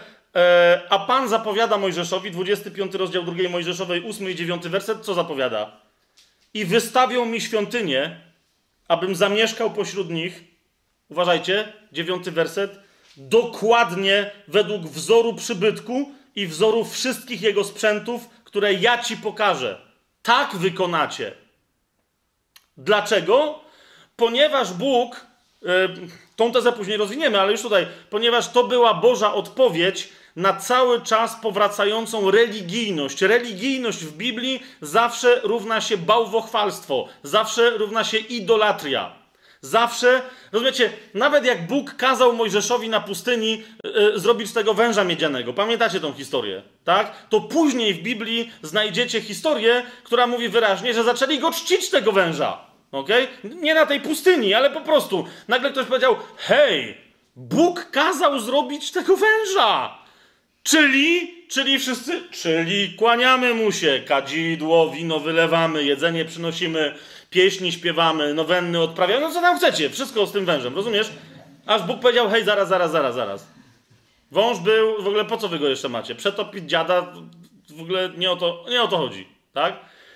Tak samo tu. I to, że później my, idea świątyni została przekręcona, to nie oznacza, że Bóg chciał, powiedział: OK, robicie mi te świątynie, ale one są dziadowskie. Chcę, żebyście wreszcie zaczęli uprawiać religię tak, jak mi się to podoba. W ogóle nie o to chodzi. Bóg zamierzył świątynię jako coś, co miało być młotem ostatecznie miażdżącym wszystkie inne świątynie. Co miało Izraelitom powiedzieć, o co innego w ogóle chodzi. Idziemy dalej. Bo niektórzy mówią, e, dobra, fajnie, e, Mojżesz dostał taką zapowiedź i Mojżesz dostał z góry, jak, bo to jest jeden tylko z fragmentów, e, który, na który można się powołać. I Mojżesz dostał opis przybytku i tam wszystkiego, jak ma być zrobione. To Mojżesz. Ale świątynia Salomonowa, no to przecież Salomon to, to, było, to, to, to, była, to był pomysł ludzi. Przecież jest wyraźnie, ostatnio nie mówiliśmy o tym, że Dawid powiedział, to ja mieszkam w takim pałacu, a Bóg w takim dziadostwie, to ja mu zbuduję świątynię. Czyli krótko mówiąc, to jest pomysł ludzi, prawda? A zatem my dalej kontynuujemy myśl Dawidową. Mamy przymierze Dawidowe. My też chcemy Bogu wystawiać świątynię. Otwórzmy sobie e, Księgę Kronik pierwszą. 28 rozdział. Zobaczcie, co, co tam bardzo interesującego Dawid mówi. To jest nawiasem mówiąc właśnie wtedy, kiedy zgromadził wszystkich e, tam w, w Jerozolimie, e, e, przekazuje całe swoje dzieło Salomonowi, e, ale w 28 rozdziale, zobaczcie, jest drugi werset. Macie? Pierwsza Księga Kronik, 28 rozdział. To jest po Samuelu i, i po królewskich księgach. Pierwsza Księga Kronik, 28 rozdział, drugi werset. Potem podniósł się król Dawid i stojąc rzekł: Słuchajcie mnie, bracia moi i ludu mój, z całego serca chciałem zbudować dom odpocznienia dla skrzyni przymierza pańskiego jako podnóżek stóp Boga naszego i przygotowałem budowę. I niektórzy na to się, na inne tego typu fragmenty się powołują, mówią: No, Dawid, Dawid ze szczerego serca, tak jak później królowie średniowieczni, katedry gotyckie wystawiali, ze szczerego serca, jako wotum. Ok, 19 werset. Jak plany przekazał Dawid Salomonowi, zobaczcie, o tym wszystkim pouczył Dawid Salomona zgodnie z pismem z ręki Pana pochodzącym i dotyczącym całego wykonania tego planu. Jest to jasne? To, to, że Dawid się wyrwał, że on wybuduje, to tam w tym wyrwaniu chodziło o to, że to on wybuduje. Bóg, no, od Mojżesza było wiadomo, że oni mają wybudować świątynię, tak? To, to, cała dyskusja Dawida z Bogiem, a Boga z Dawidem nie szła o to, czy on ma, czy w ogóle ma być wybudowana świątynia, czy nie, ale czy to Dawid mają wybudować, czy nie. Jasne? Więc znowu tu mamy kolejne potwierdzenie, że świątynia jest pomysłem Pana. Świątynia y, Dawidowa czy Salomonowa, jakkolwiek y, y, ją tam sobie nazwiemy. Po co miała być wybudowana? Dlaczego Bóg postanowił, Bóg postanowił wybudować świątynię? Ok, troszeczkę teraz wyskoczę przed szereg, ale posłużę się definicją świątyni, jaką znalazłem w Biblii, jeżeli pozwolicie. Jak to często bywa, żeby wyjaśnić to, co Bóg robił w historii, ponieważ mamy tak zwaną ekonomię Bożego zbawienia, ekonomię Bożego objawienia, on się rozszerza, to zwykle wyjaśnienie tego, co się w ogóle działo w historii, znajduje się na samym końcu. Do czego to wszystko zmierza? Spójrzcie sobie e, Księgę Objawienia, gdzie y, znajduje się fantastyczna, chyba jedyna definicja właściwa tego, co to jest świątynia Boża. 21 e, rozdział sobie otwórzcie. Zauważcie, to już jest po tysiącletnim królestwie, po e, sądzie przed wielkim białym tronem. Nawiasem mówiąc, e, to jest jeden, to nie jest jedyny sąd, tak? To jest sąd ostatni, ale nie jedyny. Teraz zauważcie, jak, jak zamienia się nazwę, że jest to sąd ostatni, a niektórzy nazywają go sądem ostatecznym, Zauważcie, jak się zmienia w ogóle znaczenie, tak? Znaczy, że to jest sąd, który ostatecznie kończy ziemię. Nie, nie, to jest po prostu ostatni z sądów, jakie się odbywają, tak? Wierzący idą na inny sąd e, przed Trybunał Chrystusowy, o czym Paweł w wielu miejscach mówi, zresztą objawienie Jana też. Ale teraz to już jest po sądzie tym ostatnim, to już jest pod nowym niebem, na nowej ziemi, kiedy zstępuje nowe Jeruzalem e, z nieba. E, zobaczcie, 21 rozdział, 10 werset. E, Jan mówi, że tam e, mm, i zaniósł mnie w duchu na wielką i wysoką górę i pokazał mi miasto święte, Jeruzalem, zstępujące z nieba od Boga. I teraz widzicie, niektórzy powiadają, Bóg zawsze miał chciał że, mieć świątynię, Bóg miał wybudowaną świątynię. I teraz uwaga, kiedy przyjdziemy do końca czasów, w, w Nowym Jeruzalem będzie też świątynia. Takie słyszałem kazania, tak? Na, na temat tego, co nas fantastycznego czeka. Okay, fantastycznie, ale zobaczcie sobie werset 22 na temat Nowego Jeruzalem. Ale świątyni w nim nie widziałem. Dlaczego? Albowiem Pan, Bóg Wszechmogący, jest jego świątynią oraz baranek. Czy jest to jasne? Bóg przedstawiając plany Mojżeszowi, potem Dawidowi, przedstawiając plany, kierując y, Salomona do tego, żeby zbudowali jego świątynię, Bóg w ten sposób, nie tylko poprzez słowo, w którym mówi o sobie, ale także poprzez te plany architektoniczne, bo do ludzi różne informacje docierają i znaczenia. Bóg każe zbudować świątynię po co? Żeby objawić siebie. Kim jest, żeby objawić swoją naturę, swój zamysł oraz to, czego on chce dla człowieka. Jak sobie, tylko do tego jeszcze zaraz wrócimy, jak sobie przeczytacie Yy, dalej tam ten mm, rozdział na temat Nowego Jerozolem, zobaczycie, że chodzi o bezpośrednią społeczność, bezpośrednią wspólnotę, powiedziałbym wspólność i zjednoczenie człowieka, serca człowieka z sercem Boga. Czy jest to jasne? Naszą świątynią jest, jest nasza więź, miłość z naszym Ojcem i z barankiem w Duchu Świętym. Tak? To jest świątynia. Tam wtedy, na tamtym etapie, Bóg chciał wśród tych wszystkich walk z pogaństwem, z bałwochwalstwem, z idolatrią, e, chciał im pokazać przy pomocy świątyni tę prawdę. List do Hebrajczyków otwórzmy sobie jeszcze raz, no bo skoro tam są odpowiedzi na temat e, e, świątyni. List do Hebrajczyków, powiedzmy, ósmy rozdział najpierw. Piąty werset. On wyraźnie o tym, yy, o tym opowiada, tylko jeszcze nie, mówię, tu, tu, nie ma definicji świątyni takiej wprost jak w Księdze Objawienia. Tak? Że, że w Nowym Jeruzalem świątyni nie będzie, bo Ojciec jest świątynią i baranek, i jego więź z nami. Tak? Ale tu zobaczcie, tu jest mowa o tych, którzy służą świątyni e, tej ziemskiej, która jeszcze stoi w Jerozolimie, świątyni Herodowej. E, jest powiedziane, że służą oni w świątyni. Ósmy rozdział, piąty werset, tak? Hebrajczyków. Służą oni w świątyni, która co? Uwaga, która jest tylko obrazem i cieniem niebieskiej jak to zostało objawione Mojżeszowi, gdy miał budować przybytek. Bacz, powiedziano mu, abyś uczynił wszystko według wzoru, który ci został objawiony na górze. W sensie na tej górze, na której stał, bo tam jest taka specyficzna dwuznaczność, ale też na górze w sensie z, mm, w sensie z wysoka. Otwórzcie sobie dziewiąty y, rozdział, bo tutaj dalej moglibyśmy czytać, ale,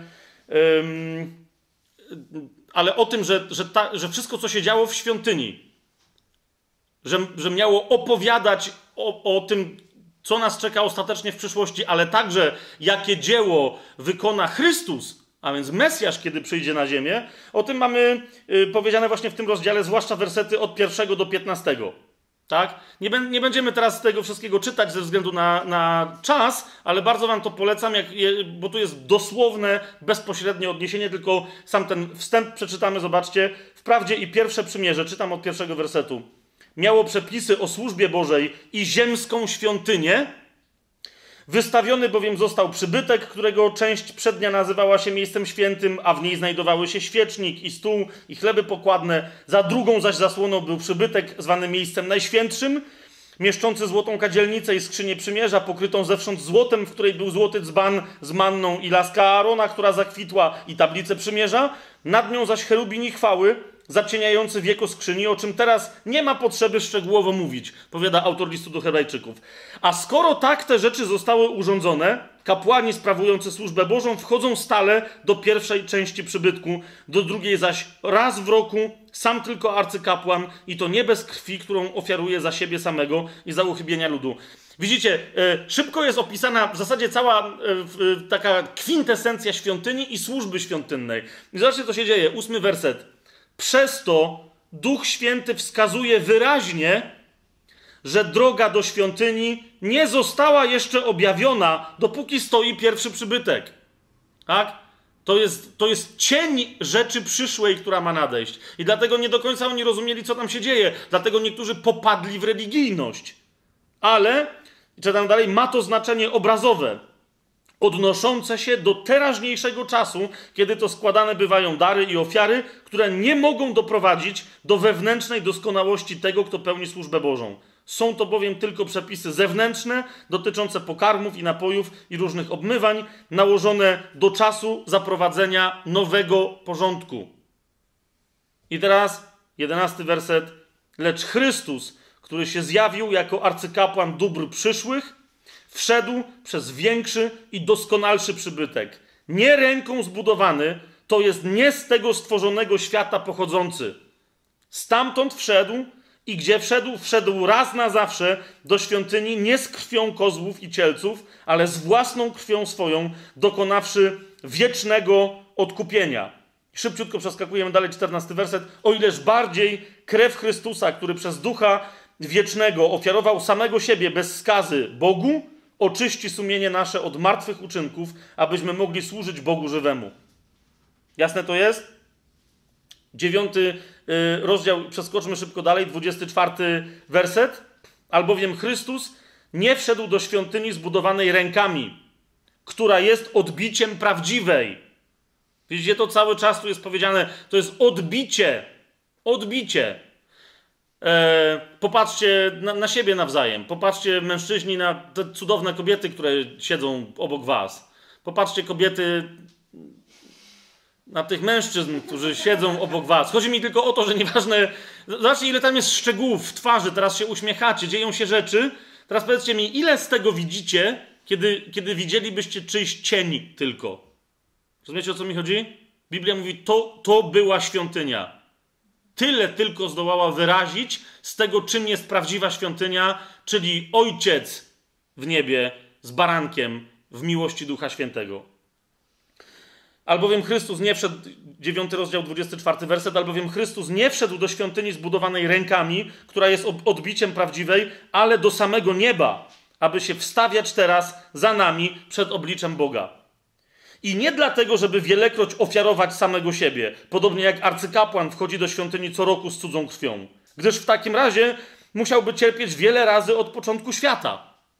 Ale obecnie objawił się on jeden raz u schyłku wieków dla zgładzenia grzechu poprzez ofiarowanie samego siebie.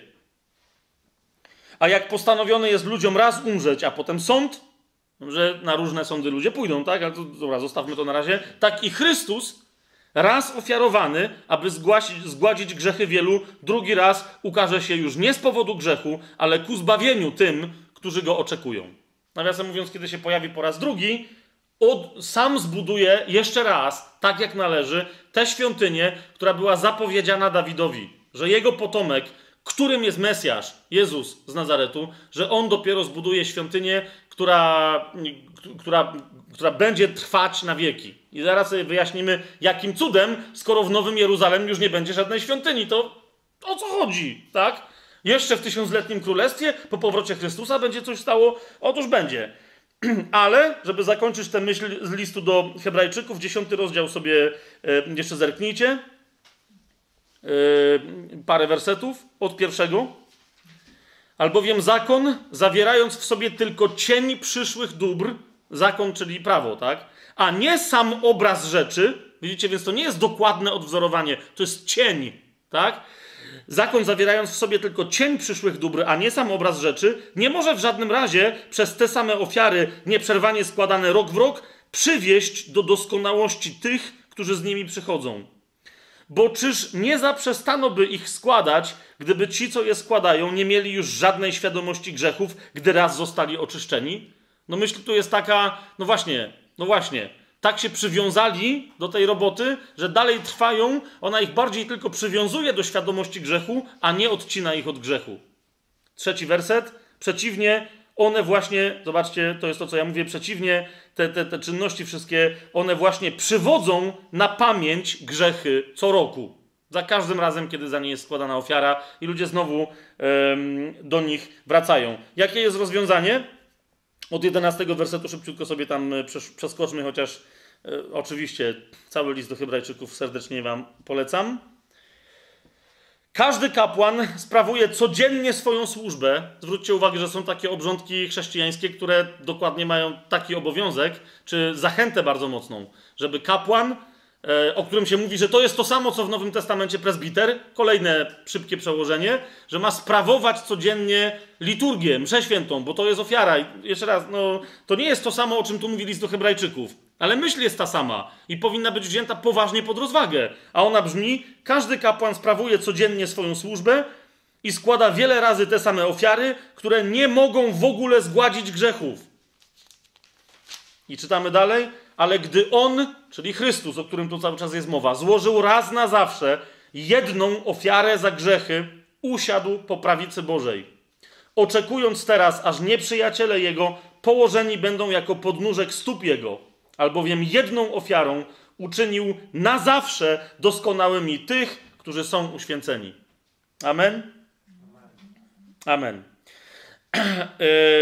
A zatem nie jest tak, jak niektórzy twierdzą, że, że, że Dawid, y, a następnie Salomon zbudowali świątynię, ponieważ to był Boży plan, żeby stworzyć religię idealną, która będzie wzorem dla wszystkich innych religii. Też tego rodzaju y, nauczanie spotkałem. Czemu? Ponieważ Mojżesz dał prawo, Mojżesz dał y, nauczanie na temat kultu, w którym kapłani się wykształcili, a następnie to prawo i ten kult otrzymały jeszcze swoją świątynię. A, a zatem, yy, ob, i to w dodatku jedną, centralną, a więc zauważcie, monopol na obecność Bożą. Tak to niektórzy rozumieli, tak? To jest idealne, tak? Nie masz konkurencji nigdzie na świecie. Tu jest jedyne prawdziwe miejsce, tu jest Bóg, tu jest prawdziwy Bóg. Musisz tu przyjść, tu złożyć ofiarę do skarbonki. Yy, nawiasem mówiąc, w Ewangeliach spotkacie Pana Jezusa często przy świątyni, między innymi przy skarbonkach, tak? Jak tam stoi, patrzy i potem mówi, kto najwięcej wrzucił. I wszyscy się zdziwili, jak wskazał, kto najwięcej wrzucił, bo okazało się, że była to uboga e, wdowa. Pamiętacie, tak? Więc Jezus często korzystał ze świątyni, żeby właśnie, żeby im pokazać, zobaczcie, przecież to, wy to wszystko tu macie opisane, tylko zrobiliście z tego religię.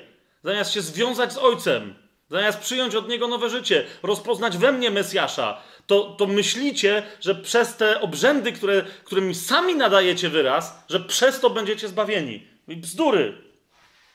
Pierwszą królewską, jak sobie yy, otworzycie, bo to jest kolejna rzecz, niektórzy mówią, dobrze, dobrze, ale przecież Bóg powiedział, że zamieszka wśród ludzi yy, i co? I zamierny, czyli to jednak była jakaś, jakiś monopol na obecność Bożą. Może was teraz trochę zaskoczę, bo, bo stąd niektórzy mówią, więc także dzisiaj yy, chrześcijanie tak roznoszą woń Chrystusa po ziemi, ale uwaga, muszą być miejsca na ziemi, których bezpośrednio zamieszkuje Bóg, które są święte w odróżnieniu od wszystkich innych, które są nieświęte. Jest sakrum, a, a cała reszta to jest profanum. Mówią, tak było w świątyni Bożej. Bóg tam przyszedł i zamieszkał. Serio? Potem mówią, w Nowym Testamencie myśmy troszeczkę to rozszerzyli, ale tam się tak stało. Jeszcze raz, pierwszą królewską sobie otwórzcie, ósmy rozdział.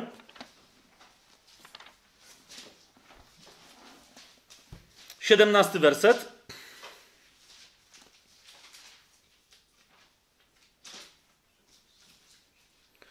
Przede wszystkim chcę Wam zwrócić uwagę, jeszcze raz, bo niektórzy e, powiadają, że w niektórych miejscach Biblia mówi jakimś takim dziwnym, poetyckim językiem. Albo na przykład mówią to słowo i tamto słowo i jeszcze tamto słowo i jeszcze jedno słowo. One wszystkie to jest tak naprawdę zamiennik na coś jednego. Więc tu od razu y, chcę Wam zwrócić taką egzegetyczną uwagę. Jeżeli Bóg chce coś powiedzieć w jeden sposób, to to mówi w jeden sposób. Jak coś mówi w inny sposób, to znaczy, że, że mówi coś innego. Dlatego wybiera inny sposób. Gdyby Bóg powiedział, ja cały przyszedłem i ja mieszkam e, w świątyni jerozolimskiej, to by tak powiedział. W pewnych zapowiedziach, kiedy jeszcze się miały rzeczy zrealizować, wydawałoby się, że tak to sugerował. Ale zobaczcie, co powiedział i, I, teraz zwróćcie uwagę na słowa, co powiedział e, po poświęceniu świątyni przez Salomona. Yy, tak, jakie tu się pojawiają słowa? To jest pierwsza królewska, ósmy rozdział, 17 yy, werset do 19. Tu Salomon je cytuje, ale zobaczcie, co jest powiedziane. Dawid, mój ojciec, zamyślał wprawdzie zbudować przybytek. Przybytek czego? Komu? Imieniu Pana, Boga Izraela. Widzicie to? Lecz Pan rzekł do Dawida, mojego ojca, iż zamierzałeś zbudować dom dla kogo? Dla imienia mojego postąpiłeś dobrze, tak zamyślając. I zobaczcie jeszcze dziewiętnasty werset. Jednak nie ty będziesz budował ten dom, ale twój syn, twój prawowity potomek, on zbuduje dom komu? Imieniu mojemu. Teraz niektórzy mówią, no ale to o, o to samo chodzi, no nie? Czyli zbudować dom imieniu Bożemu, to znaczy to znaczy po prostu zbudować jemu. A właśnie jakby podejść w ten sposób, na przykład do modlitwy Ojcze Nasz, to zobaczcie, co mamy. Ojcze Nasz, któryś jest w niebie, w, w, święć się, przyjdź yy, i niech, no i rób co chcesz. No bo to, to, niech się święci imię Twoje, niech przyjdzie Twoje królestwo i niech będzie Twoja wola, jak jest w niebie, tak i na ziemi, tak? No teraz, jeżeli to, jeżeli to są tylko ogólne określenia po prostu na temat tego, co Bóg robi, to jest, no to Boże, no działaj, no nie? Ale to po co w takim razie te, te trzy, trzy konkretne rzeczy mówić, jeżeli one nie mają swoich specyficznych znaczeń? Zwłaszcza, że zwróćcie uwagę, sam, sam bidny y, Salomon wyraźnie mówi o tym, że Bóg, halo, halo, nie mieszka w tej świątyni. Nie zmieścił się w tej świątyni. To nie znaczy, że jego obecność, że, że nie ma tam jego imienia i że chwała jego obecności tam się nie pojawia i że jego moc tam nie działa. To, to nie znaczy. Ale jeszcze raz, on, on, wyraźnie o tym wie, że byłoby głupotą stwierdzić, że Bóg, który jest wszechobecny, wszechpotężny i tak dalej, że nagle się skoncentrował i jest tylko w jednym miejscu. Zobaczcie, yy, yy, 27 werset. I następne. To jest dalej ta sama wypowiedź Salomona, tak? Co on mówi? Ale czy naprawdę zamieszka Bóg na ziemi? Oto niebiosa i niebiosa niebios nie mogą cię ogarnąć. A cóż dopiero ten dom, który zbudowałem? No właśnie. Salomon nie jest głupi.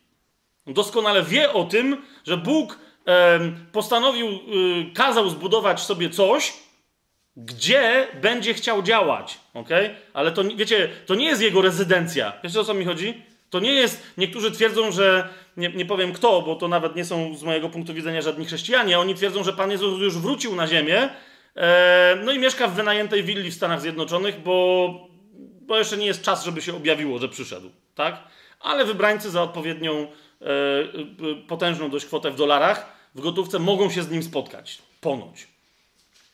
Teraz y, zobaczcie, werset 32, 36, 39. Chodzi mi o to, że, że tutaj Salomon prosi Boga y, o to, żeby działał, i zobaczcie, y, co wyraźnie mówi. Bo on mówi, że kiedy przyjdą do ciebie i coś tam zrobią, to co? Zobaczcie, werset 32. To ty usłysz w niebie tę przysięgę, wkrocz i oddaj sprawiedliwość swoim sługom.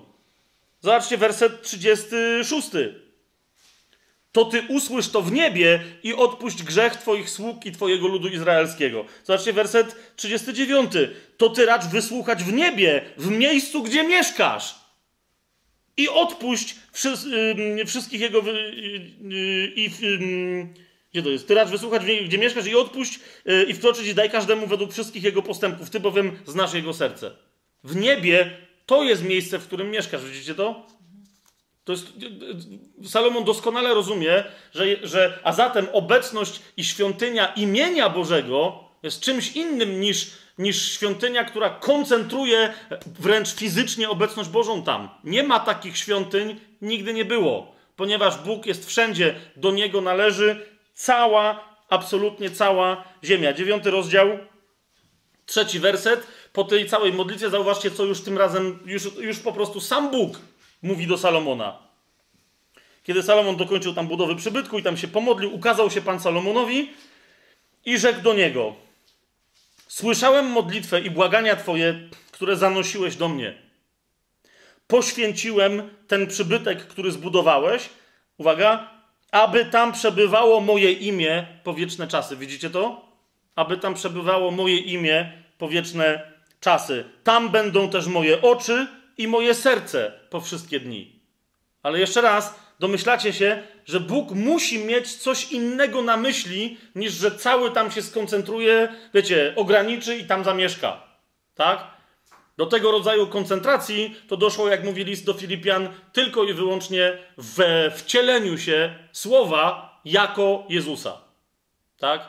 Tam się Bóg naprawdę, on istniejąc w postaci Bożej, nie zechciał w niej pozostać, tak? Ale się ograbił i uniżył, stawszy się, przy, przybrawszy postać sługi i stawszy się podobnym jednym z nas. do nas, gdy chodzi e, o podobieństwo cielesne. Pamiętacie to z, z listu do Filipian, tak? Nie będziemy teraz tam e, się odwoływać. I nawiasem mówiąc, dlatego on jeden miał prawo powiedzieć o sobie, że jest świątynią. O czym, e, o czym sobie powiemy mm, za chwilę. Jak sobie dobrze prześledzicie ten cały ósmy rozdział, jak się modli Salomon, to zauważycie, że, że Salomon świetnie wie i ma genialne przeczucie, że świątynia jest nie, znaczy, że, że relacja z Bogiem musi się zacząć od odpuszczenia grzechów.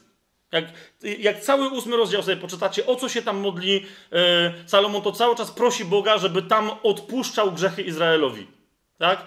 Te wszystkie wersety, które tu przywołałem celowo, to ty usłysz w niebie. Zobaczcie, one zawsze się zaczynają od jeżeli ktoś zgrzeszy przeciwko swojemu bliźniemu, to coś tam, coś tam.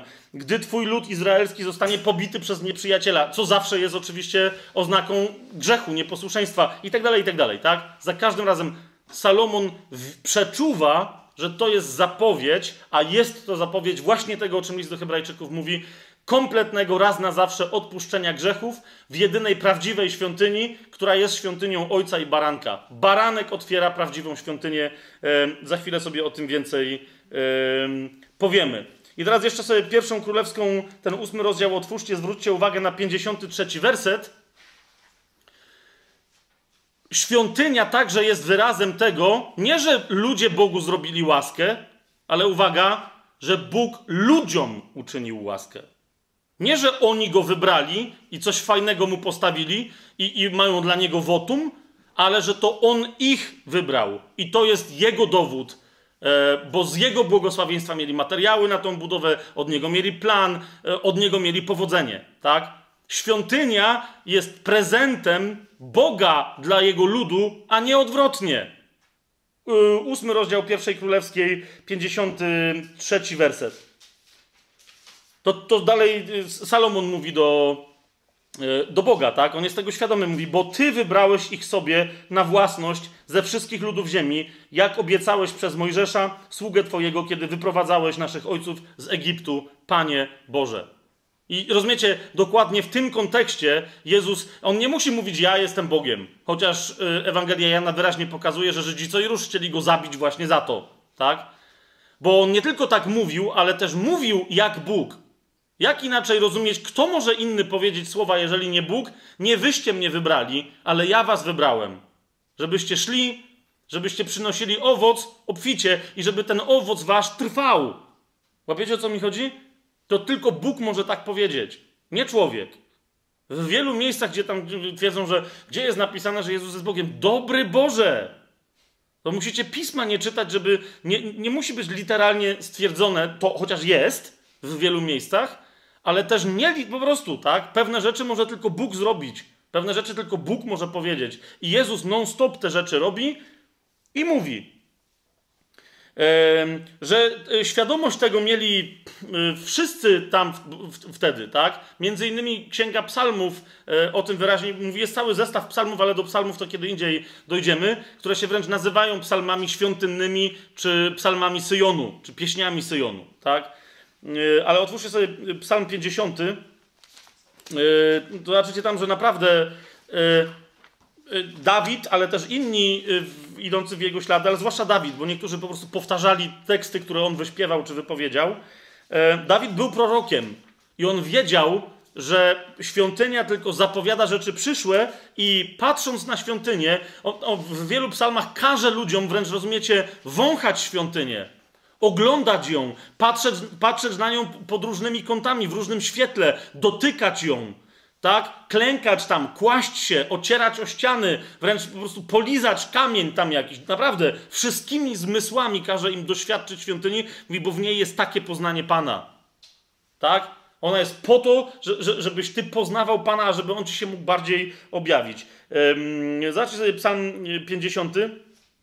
Yy, piąty werset. To jest, to jest jeden z, właśnie z tych psalmów świątynnych, on mówi o ofierze, ale zobaczcie, co tu jest napisane. Piąty werset. Zgromadźcie mi wiernych moich, którzy zawarli ze mną przymierze przez ofiarę. I potem zobaczcie od siódmego e, wersetu. E, po prostu idziemy, czytamy jak leci. Słuchajcie, ludu mój, będę mówił, Izraelu, będę cię przestrzegał. Bogiem, Bogiem Twoim jestem. Ja, zobaczcie, to, to, to, tam już jest świątynia, kiedy jest napisany ten psalm. A zobaczcie, co tu jest napisane. Ganię cię z powodu krwawych ofiar twoich. Całopalenia twoje są zawsze przede mną, ale nie wezmę byka z domu twojego, ani kozłów z twoich zagród. Mój bowiem jest wszelki zwierz leśny, tysiące zwierząt na górach. Widzicie, co Pan tu mówi? Co ty myślisz, że mi jest świątynia potrzebna, żebyś ty mi, bo, bo dla mnie to jest przyjemne, jak ty tam zażynasz te zwierzęta, mówi, zrozum o co chodzi w tych ofiarach. Mój jest wszelki zwierz leśny, tysiące zwierząt na górach. Znam wszelkie ptactwo gór i moje jest to, co się rusza na polach. Gdybym łaknął, nie mówiłbym ci o tym, bo mój jest świat i to, co go napełnia. Bóg o tym wielokrotnie mówi. Ale mówi, to co ty, Łosiu, co ty myślisz, że ja tylko tu mieszkam, jestem od twoich ofiar uzależniony?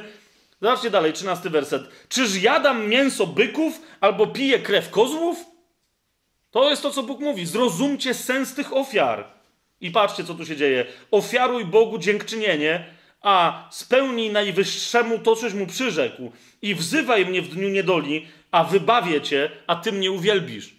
To jest to. Wejdź ze mną w osobistą relację, a nie zasłaniaj się ofiarami i mów, ponieważ złożyłem ofiarę, to mogę robić, co chcę.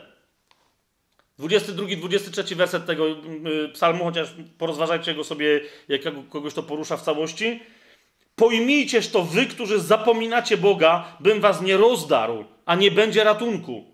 Kto ofiaruje dziękczynienie, ten mnie czci, a temu, kto nienagannie postępuje, ukaże Boże zbawienie. Już tam, w tej świątyni. Psalm 22, zobaczcie sobie. E, to tam jest wyraźnie powiedziane, że to jest pieśń pouczająca Dawida po tym, jak Edomita e, Dołek przybył donieść Saulowi i coś tam powiedział, tak? I tam Dawid się wnerwił, ale przy okazji zobaczcie, jakie proroctwo wypowiada. Od 6, psalm 20, 52 od 6 wersetu. Miłujesz wszelkie oszczerstwa języku podstępny. Przeto Bóg zniszczy cię na wieki, pochwyci cię i wyrwie z namiotu i wykorzeni cię z ziemi żyjących. Sela. Ujrzą to sprawiedliwi i bać się będą, śmiać się będą z niego. Oto człowiek, i teraz zauważcie, co się dzieje. Bo tu jest mowa o tym, że Bóg jest schronieniem, że Bóg jest. Co się dzieje, Kamil? 52. Zobaczcie, co, co, jest powiedziane, że i to jest jasne od początku. Świątynia to świątynia, to Bóg sam jest schronieniem, twierdzą świątynią i wszystkim. Oto człowiek, który nie uczynił Boga swoim schronieniem, ale zaufał swoim wielkim bogactwom. Był dumny, że wyrządza szkodę. I teraz popatrzcie, jak opisuje siebie wierzący. Wierzący starotestamentowy. Ilu, gdzie my mamy chrześcijan dzisiaj, którzy mogliby to z całą mocą powiedzieć, stanąć, walnąć się w piersi, dokładnie tak powiedzieć. Ale ja jestem jak oliwka zielona w domu Bożym. Dlaczego? Bo co? Bo, bo stoję w świątyni i tam coś robię? Nie. Bo zaufałem łasce Bożej na wieki wieków. Widzicie to? Ten jest oliwką, która zieloną, która rośnie i, i, i przyniesie owoc i, i, stoi w domu Bożym, kto zaufał łasce Bożej na wieki wieków. Będę wysławiał Cię na wieki za to, coś uczynił i będę oznajmiał imię Twoje. Imię Twoje. Tak? To jest świątynia. Będę oznajmiał imię Twoje wobec wiernych Twoich, bo jest jakie? Bo jest dobre. Jeszcze Psalm 43, jakbyśmy sobie szybciutko... Yy, ten, który na początku dzisiaj czytaliśmy, zauważcie, y, jak, jak Jan mówi, to jak myślicie, do czego się on odnosi? Do tego, co na przykład taki Dawid prorokował, co było w świątyni koniecznie objawione. Że Jezus jest życiem, jest światłem i jest prawdą. Zgadza się? Psalm 43, trzeci werset. Ześlij światło Twoje i prawdę swoją, niech mnie prowadzą. Gdzie światło i prawda prowadzą człowieka? Niech mnie wprowadzą na górę Twoją świętą i do Twoich przybytków. Do prawdziwej świątyni idzie się przez światło i przez prawdę. I wiemy, kto to jest, bo ma imię. Tak? To jest Jezus. A nie, nie idzie się do czegokolwiek zbudowanego ręką ludzką, nawet jeżeli to jest ręką ludzką zbudowana tamta świątynia. Widzicie to? Mógł ktoś wejść do tej świątyni, ale jeżeli nie był oświęcony, oświecony i nie miał prawdy, nie, tak naprawdę nie wszedł do świątyni prawdziwej Bożej. Jasne to jest? To był tylko cień, tak? Do prawdziwej świątyni Bożej można wejść tylko duchowo. I dlatego, i dlatego teraz otwórzcie sobie, to, widzicie, definicja to jest Księga Objawienia tam właśnie w tym, co to jest świątynia Boża, tak? Jeszcze raz, jakbyśmy sobie zobaczyli szybciutko, e, bo widzieć, e, pamiętać, czy myśleć, że się pamięta to jedno, a zobaczyć to jest drugie. W mieście świętym, w Jeruzalem Nowym, 21 rozdział Objawienie Jana, 22 werset, 21 rozdział, 22 werset.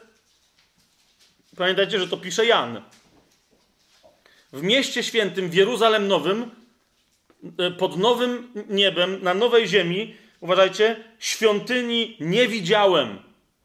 Dlaczego? Albowiem Pan, Bóg Wszechmogący jest Jego świątynią oraz baranek. Tak? Pamiętacie, co było powiedziane? Że w świątyni Bożej zamieszkało co? Imię Pana. Tak? To teraz otwórzmy sobie Ewangelię Janową.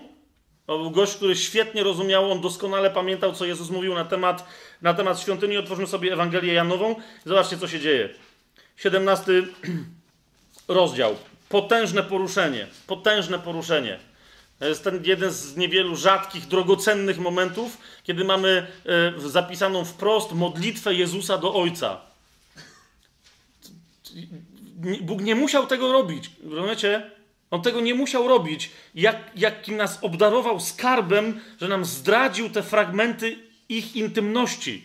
Ja za każdym razem, jak za, zamierzam to czytać, jestem po prostu w szoku najgłębszym. Tak? Bo to jest intymność baranka Jezusa, naszego Pana, naszego Króla z, z Jego Ojcem. Przez, my w tę intymność wchodzimy przyjmując zbawienie i przyjmując życie i wchodząc na drogę uświęcenia.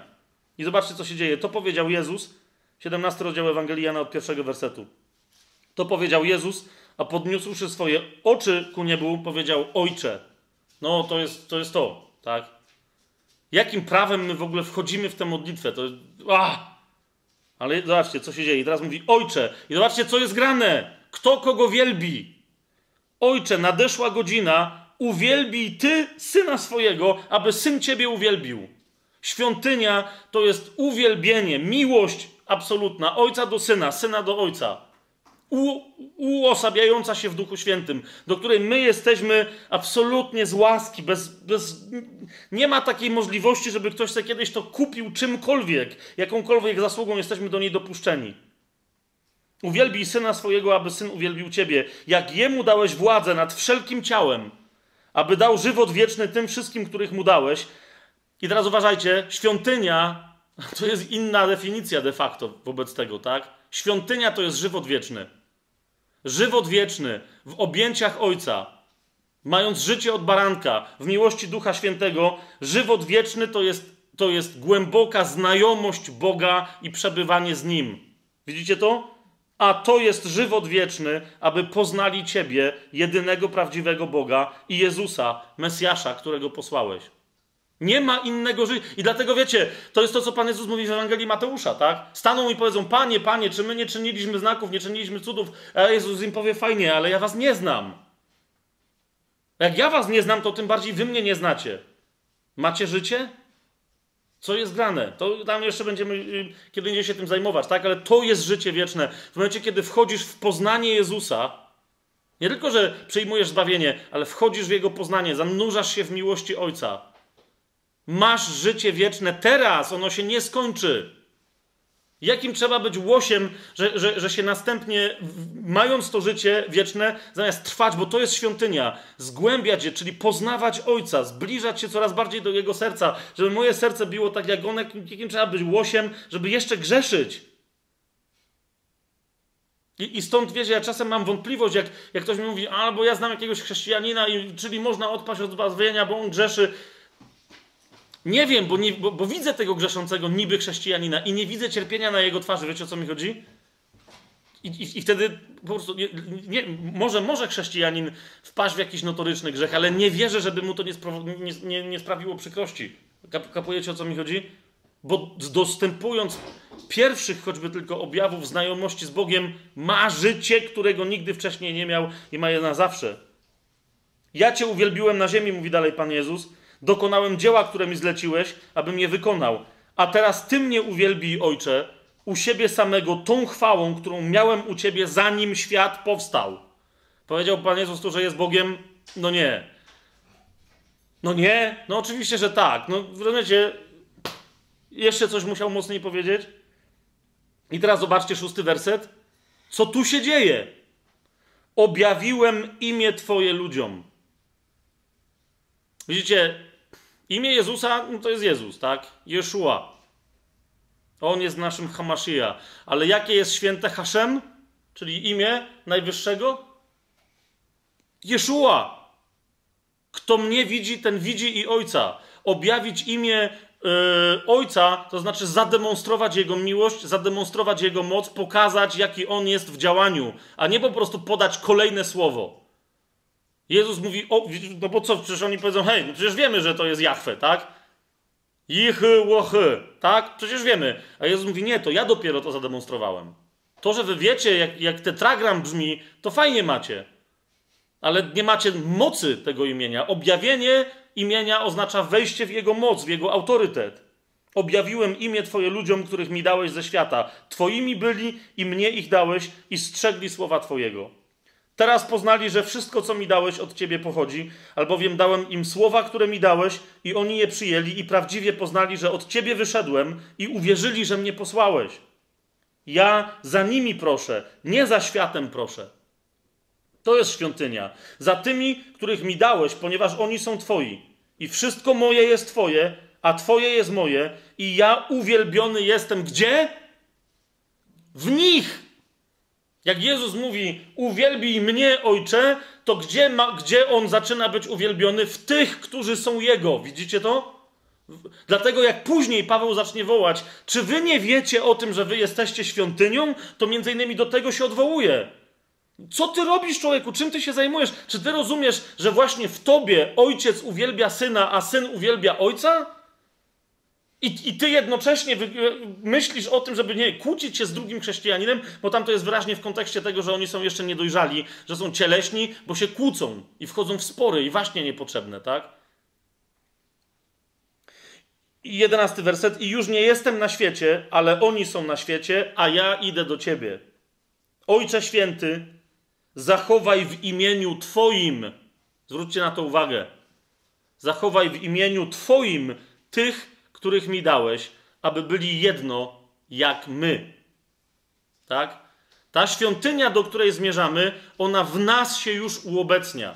Kto przyjmuje Chrystusa, i dlatego, zobaczcie, dlatego Jan, yy, Jezus w Ewangelii Jana w czwartym rozdziale, szybciutko sobie tylko to yy, obejrzymy, powiada, czwarty rozdział, 23 werset, ale nadchodzi godzina i teraz jest, właśnie to jest to, tak? Nadchodzi i teraz jest.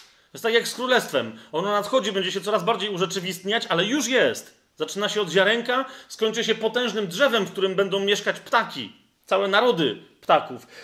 Lecz nadchodzi godzina i teraz jest, kiedy prawdziwi czciciele będą oddawali cześć Ojcu w duchu i w prawdzie. Bo i ojciec takich szuka, którzy by mu tak cześć oddawali. A Jezus to mówi w jakim kontekście? No, pamiętacie, w kontekście mm, pytania z 21, yy, nie z 21, tylko z 20 wersetu. Ojcowi na, ojcowie nasi na tej górze oddawali Bogu cześć, wy zaś mówicie, że w Jerozolimie jest miejsce, gdzie należy Bogu oddawać cześć. Ale wiecie, to jest pytanie o religię. Która religia jest lepsza? Katolicyzm czy prawosławie? W Samarii czy na Syjonie trzeba oddawać Bogu cześć? Kto ma lepszy obrządek? Kto lepiej. A Jezus mówi: nadchodzi godzina, kiedy prawdziwi czciciele będą oddawali Ojcu cześć w duchu i w prawdzie, bo Ojciec takich szuka, którzy by mu tak cześć oddawali. Jasne? Nie tu, nie tam, ale wszędzie, gdzie będą. W duchu i w prawdzie. 24 werset. Bóg jest duchem, a ci, którzy mu cześć oddają, winni mu ją oddawać w duchu i w prawdzie. To jest dalszy, dalszy werset, Janek. Czwarty rozdział, 23 i 24 werset. Dlatego też, widzicie, bo zaraz na początku Jana jest powiedziane, że, że, że słowo stało się ciałem i tak dalej, i dlatego już zaraz w drugim rozdziale Ewangelii Jana, zobaczcie 21 werset, tam Jezus powiedział, że zbóżcie tę świątynię, a ja ją w trzy dni odbuduję. Pamiętacie to, prawda? Jak, bo oni go powiedzieli, e, zaatakowali, jaki znak pokażesz, żeby nam udowodnić, że wolno ci to czynić, na przykład ludzi e, robić, ro, ro, wprowadzać rozbój do świątyni i im krzyczeć, że są rozbójnikami, a to ma być modlitwa i rozwalać stragany i inne rzeczy. I mówią, jak to udowodnisz, że jesteś prorokiem? A Jezus im wtedy odpowiada, zobaczcie, to jest drugi rozdział, 19 werset, zbóżcie tę świątynię, a ja w trzy dni ją odbuduję. Na to rzekli Żydzi, 46 lat budowano tę świątynię, a ty w trzy dni chcesz ją odbudować? 21 werset, ale on mówił o świątyni ciała swojego. I zobaczcie, następny werset, który jest bardzo istotnym komentarzem. Gdy więc został wzbudzony z martwych, przypomnieli sobie uczniowie jego, że to mówił. I teraz zauważcie, co? Nie, że zmartwychwstanie, ale zbóżcie świątynię, a ja ją w trzy dni odbuduję. I oni to sobie przypomnieli. I co się stało? I uwierzyli pismu i słowu, które wyrzekł Jezus. Widzicie to? Pismo mówiło o świątyni i oni zajarzyli te wszystkie rzeczy, że to się odnosiło do Jezusa. Jezus to wypełnia. Tak? Nie chodziło o żadne literalne stawianie budynków, ale On jest wypełnieniem, On jest świątynią. I to wszystko, całe to życie wieczne, które On przynosi, a które jest poznaniem przez Niego yy, samego Ojca. Otwórzcie sobie Ewangelię Mateusza, yy, bo to nie jest tylko Jan. Ja tylko tak chcę yy, pe pewne wskazówki dać do, do własnego studium, ale zobaczcie, jak to jest mocne, a jak łatwo jest to przeoczyć.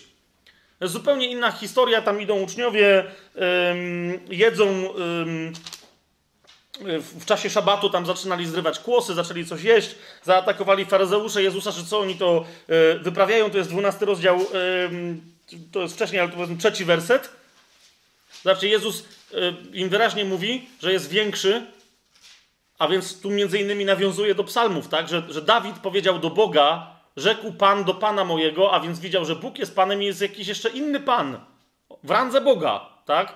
Ktoś inny. Jezus mówi, że On jest tym, którego widział Dawid, bo jest większy niż Dawid, ale co? No właśnie, to jest interesujące. Zobaczcie, 12 rozdział, trzeci werset i następne. A On rzekł im, czyż nie czytaliście, co uczynił Dawid, kiedy był głodny? On i ci, którzy z nim byli? Jak wszedł do domu Bożego i jadł chleby pokładne, których nie wolno było jeść jemu ani tym, którzy z nim byli, tylko samym kapłanom. To jest pytanie na zasadzie, rozumiecie? Jemu nie wolno było tego zrobić, wszedł do świątyni Pana, zrobił coś, czego mu nie wolno było zrobić i Pan go zabił? Nie. A zatem Dawid był ciekawszy, mocniejszy, potężniejszy w tym, co zrobił, niż, niż kapłani w świątyni. A w domyśle jest, a, a, a ja jestem jeszcze kimś więcej. Tak? Y, dalej, zobaczcie. Albo czy nie czytaliście w zakonie, że w szabat kapłani w świątyni naruszają szabat, a są bez winy? Nie czytaliście? Więc teraz co wam mówię? Uwaga, szóste, ale mówię wam, że tutaj jest coś większego nawet niż świątynia. Tak? I mówi o sobie. Tutaj jest coś większego niż świątynia. I gdybyście byli zrozumieli, co to jest, widzicie o co mi chodzi? Co, co, co Jezus tu do nich mówi? Tu, on ma siebie na myśli, tu jest coś większego niż świątynia. I gdybyście byli zrozumieli, co to jest, miłosierdzia chce, a nie ofiary, nie potępialibyście niewinnych, albowiem syn człowieczy jest panem szabatu. Co tam się dzieje, Janek? Masz trochę, troszkę inne tłumaczenie. Ale... A, okej, okay, to no ale to, wiesz, tłumaczenie. Potem możemy to porównać jeszcze z, z, oryginałem. Ale to, że Pan Jezus mówi, że tu jest coś większego niż świątynia, to masz.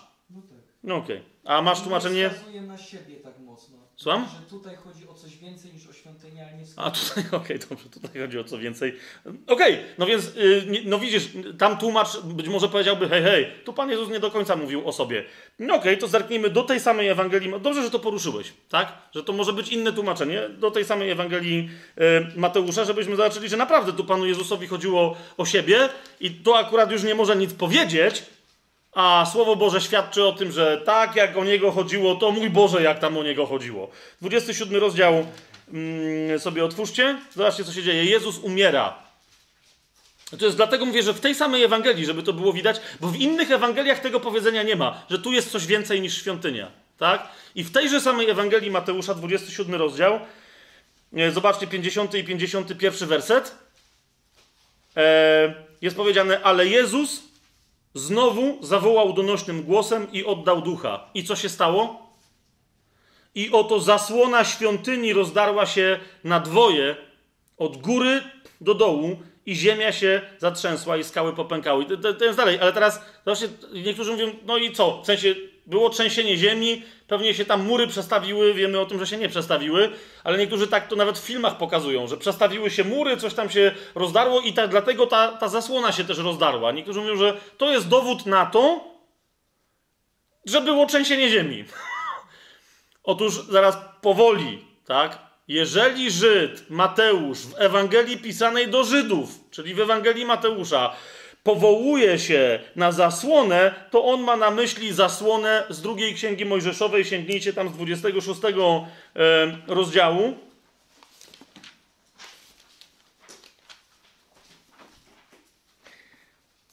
Z 31 wersetu. Zasłonę, którą Bóg kazał zrobić jeszcze zanim świątynia istniała. Która czym była? Uważajcie. Zrobi... Macie? 31 werset i następne. Zrobisz też zasłonę z fioletowej i czerwonej purpury. Nawiasem mówiąc, pamiętacie, y, jaki był y, płaszcz Pana Jezusowy, tak?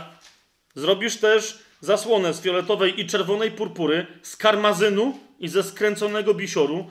Zrobisz ją z wyhaftowanymi na niej artystycznie cherubami i zawiesisz ją na czterech słupach z drzewa akacjowego pokrytych złotem ze złotymi hakami stojących na czterech srebrnych podstawach. I teraz patrzcie, zasłonę zawiesisz na hakach i wniesiesz za zasłonę skrzynię świadectwa. A ta zasłona będzie wam oddzielać miejsce święte od najświętszego. Do miejsca najświętszego nikt nie mógł wchodzić, nawet kapłan, arcykapłan, jak tylko raz w roku, przynosząc krew no potem już za czasów Pana Jezusa tam nie było arki e, tej skrzyni przymierza, tak? Ale wcześniej jak była, to, to wnosił, potem wnosili ofiarę kadzielną. Tam między innymi Gabriel, pamiętacie, Zachariaszowi się e, objawił. To było właśnie wtedy, kiedy była jego kolej na tą arcykapłańską posługę raz do roku, tak? A więc miejsce najświętsze, dlatego tam nie wolno wchodzić, bo Żydzi wierzyli, że to jest miejsce przebywania Boga. I teraz co się stało? Umiera Jezus, a świątynia się rozdarła z góry na dół, żeby pokazać im, no i co? Gdzie jest Bóg w tej świątyni? Poplątało się wam. Nie rozpoznaliście prawdziwej świątyni. Otwórzcie e, list do Hebrajczyków, dziesiąty rozdział. Jeszcze raz tam wrócimy, tak? Żebyście zobaczyli, yy, no, że właśnie o tym, że nie rozpoznali tego znaku, o którym Mateusz pisał, mówi, no kurde, Żydami jesteście, to nie wiecie o co chodzi? No nie wiedzieli. Zobaczcie, dziesiąty rozdział listu do Hebrajczyków. Jezus umiera, rozdarty na krzyżu. W tym momencie rozdziela się zasłona yy, w świątyni. Otwórzcie sobie Hebrajczyków 10 rozdział, to jest 19 werset. I jak nam komentuje autor listu do Hebrajczyków, co się stało? Mając więc, bracia, ufność, iż przez krew Jezusa mamy wstęp do świątyni. Pamiętacie, jaka była zasłona? Purpurowa, fioletowa, czerwona, karmazynowa. Była cała we wszelkich odmianach koloru krwi. Tak? I ona się rozdarła, mówi, to był znak, który miał pokazać, przez co się wchodzi do prawdziwej świątyni, do jedności z Bogiem. Zobacz. Przez krew Jezusa mamy wstęp do świątyni, drogą nową i żywą, którą Jezus na krzyżu otworzył poprzez swoją śmierć. Jaką? Którą otworzył dla nas poprzez zasłonę, to jest przez co? Przez ciało swoje. Jego ciało zostało rozdarte na krzyżu i oto w ten sposób, przez tę swoją zbawienną dla nas śmierć, otworzył wejście do prawdziwej świątyni i dlatego zasłona świętego świętych e, w przybytku świątynnym się przetargała, jak my mówimy w Krakowie, tak, rozdarła, żeby pokazać, że to już, to już jest koniec z tym znakiem, ponieważ dokonało się to, co ten znak demonstrował i co zapowiadał. Czy jest to jasne? Czy jest to jasne? I teraz widzicie, i dlatego ten mówi, więc nie chodźcie już więcej do żadnej świątyni. Bo, bo zobaczcie, 21 werset i następne. bo on otworzył dla nas poprzez zasłonę drogę nową i żywą, to jest przez ciało swoje. Mamy też kapłana wielkiego nad domem Bożym. A więc na tą drogę wejdźmy ze szczerym sercem, w pełni wiary, oczyszczeni w sercach od złego sumienia i obmyci na ciele wodą czystą. Chrzest. Trzymajmy się niewzruszenie nadziei, którą wyznajemy, bo wierny jest ten, który dał obietnicę. I baczmy jedni na drugich w celu pobudzenia się do miłości i dobrych uczynków. To jest tyle, tak? Niektórzy mówią, no ale nie opuszczając wspólnych zebrań naszych. Zgadza się, ale nie zebrań w kościele. W sensie jako kościół, ale nie w budynku, który inni nazywają kościołem. Ok? Kto żyje przez Chrystusa, ten sam staje się świątynią. Pierwszy list do Koryntian. Żebyśmy mieli cały ten ciąg prześledzony, yy, tylko najważniejszych tych cytatów, bo ich jest oczywiście więcej w Biblii, ale zobaczcie, co jest grane. Jest wyraźnie, wręcz no, Paweł jest zszokowany, jak możecie o tym nie wiedzieć? Pierwszy do Koryntian, trzeci rozdział, szesnasty werset i następne. Zobaczcie, co się dzieje. Bo niektórzy cytują ten pier to pierwsze zdanie, a nie cytują kolejnego wersetu. A patrzcie, co tu jest napisane. Czy nie wiecie, że świątynią Bożą jesteście i że Duch Boży mieszka w was? To jak nie wiecie, to jest 17 werset. Jeżeli ktoś niszczy świątynię Bożą, tego zniszczy Bóg. Albowiem świątynia Boża jest święta, a wy nią jesteście. Jasne? Gdzie jest świątynia Boża? W tobie.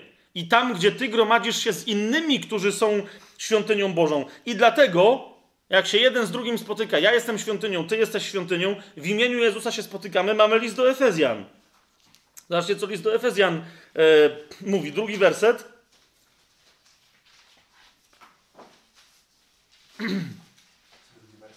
E, drugi rozdział. Drugi rozdział. Efezjan, Efezjan teraz jest drugi rozdział, osiemnasty werset. Jeszcze raz.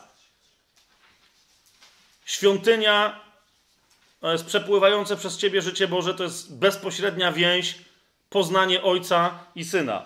I teraz patrz, drugi rozdział listu do Efezjan, osiemnasty werset. Albowiem przez Niego, e, czyli przez kogo?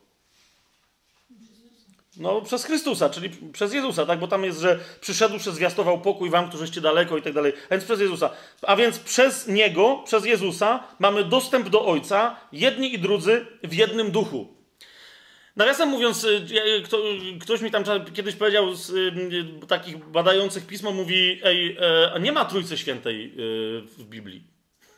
Nie ma takiego fragmentu, żeby w jednym zdaniu albo w jednym wersecie, żeby była Trójca Święta naprawdę miałem wtedy poważną wątpliwość co do jego badania Pisma Świętego, bo na przykład mówię, no tu, ale wiesz, takich fragmentów jest więcej, tak? Przez niego mamy dostęp do Ojca, jedni i drudzy w jednym duchu świętym, tak? O co chodzi? Jest trójca, był trochę zszokowany, mówi, ale tu nie jest napisany Pan Jezus, weź, weź, weź. Więc przez niego mamy dostęp do Ojca, jedni i drudzy w jednym duchu, to już jest świątynia. I teraz zobaczcie, co jest dalej. Tak więc już nie jesteście obcymi i przychodniami, ale współobywatelami świętych i domownikami Boga. Jeżeli jesteś domownikiem Boga, to co to znaczy? Że mieszkasz w tym samym domu, co Bóg, tak? Jesteś jego domownikiem. Mieszkasz z nim pod jednym dachem. I, i zobacz dalej. Zbudowani na fundamencie apostołów i proroków, którego kamieniem węgielnym jest sam Chrystus Jezus, na którym cała budowa, mocno spojona, rośnie w jeden święty przybytek w Panu. To jest świątynia, to jest Kościół, tak? Społeczność, zgromadzenie tych, którzy rosną na fundamencie Chrystusa. A więc na którym cała budowa mocno spojona rośnie w przybytek święty w Panu, na którym i wy się wespół budujecie na mieszkanie Boże w duchu. Widzicie świątynię tutaj? Jakby ktoś miał jeszcze yy, wątpliwość, pierwszy yy, Piotrowy sobie otwórzmy. Piotr, skała, Jezus mówi, na tobie zbuduję tę społeczność.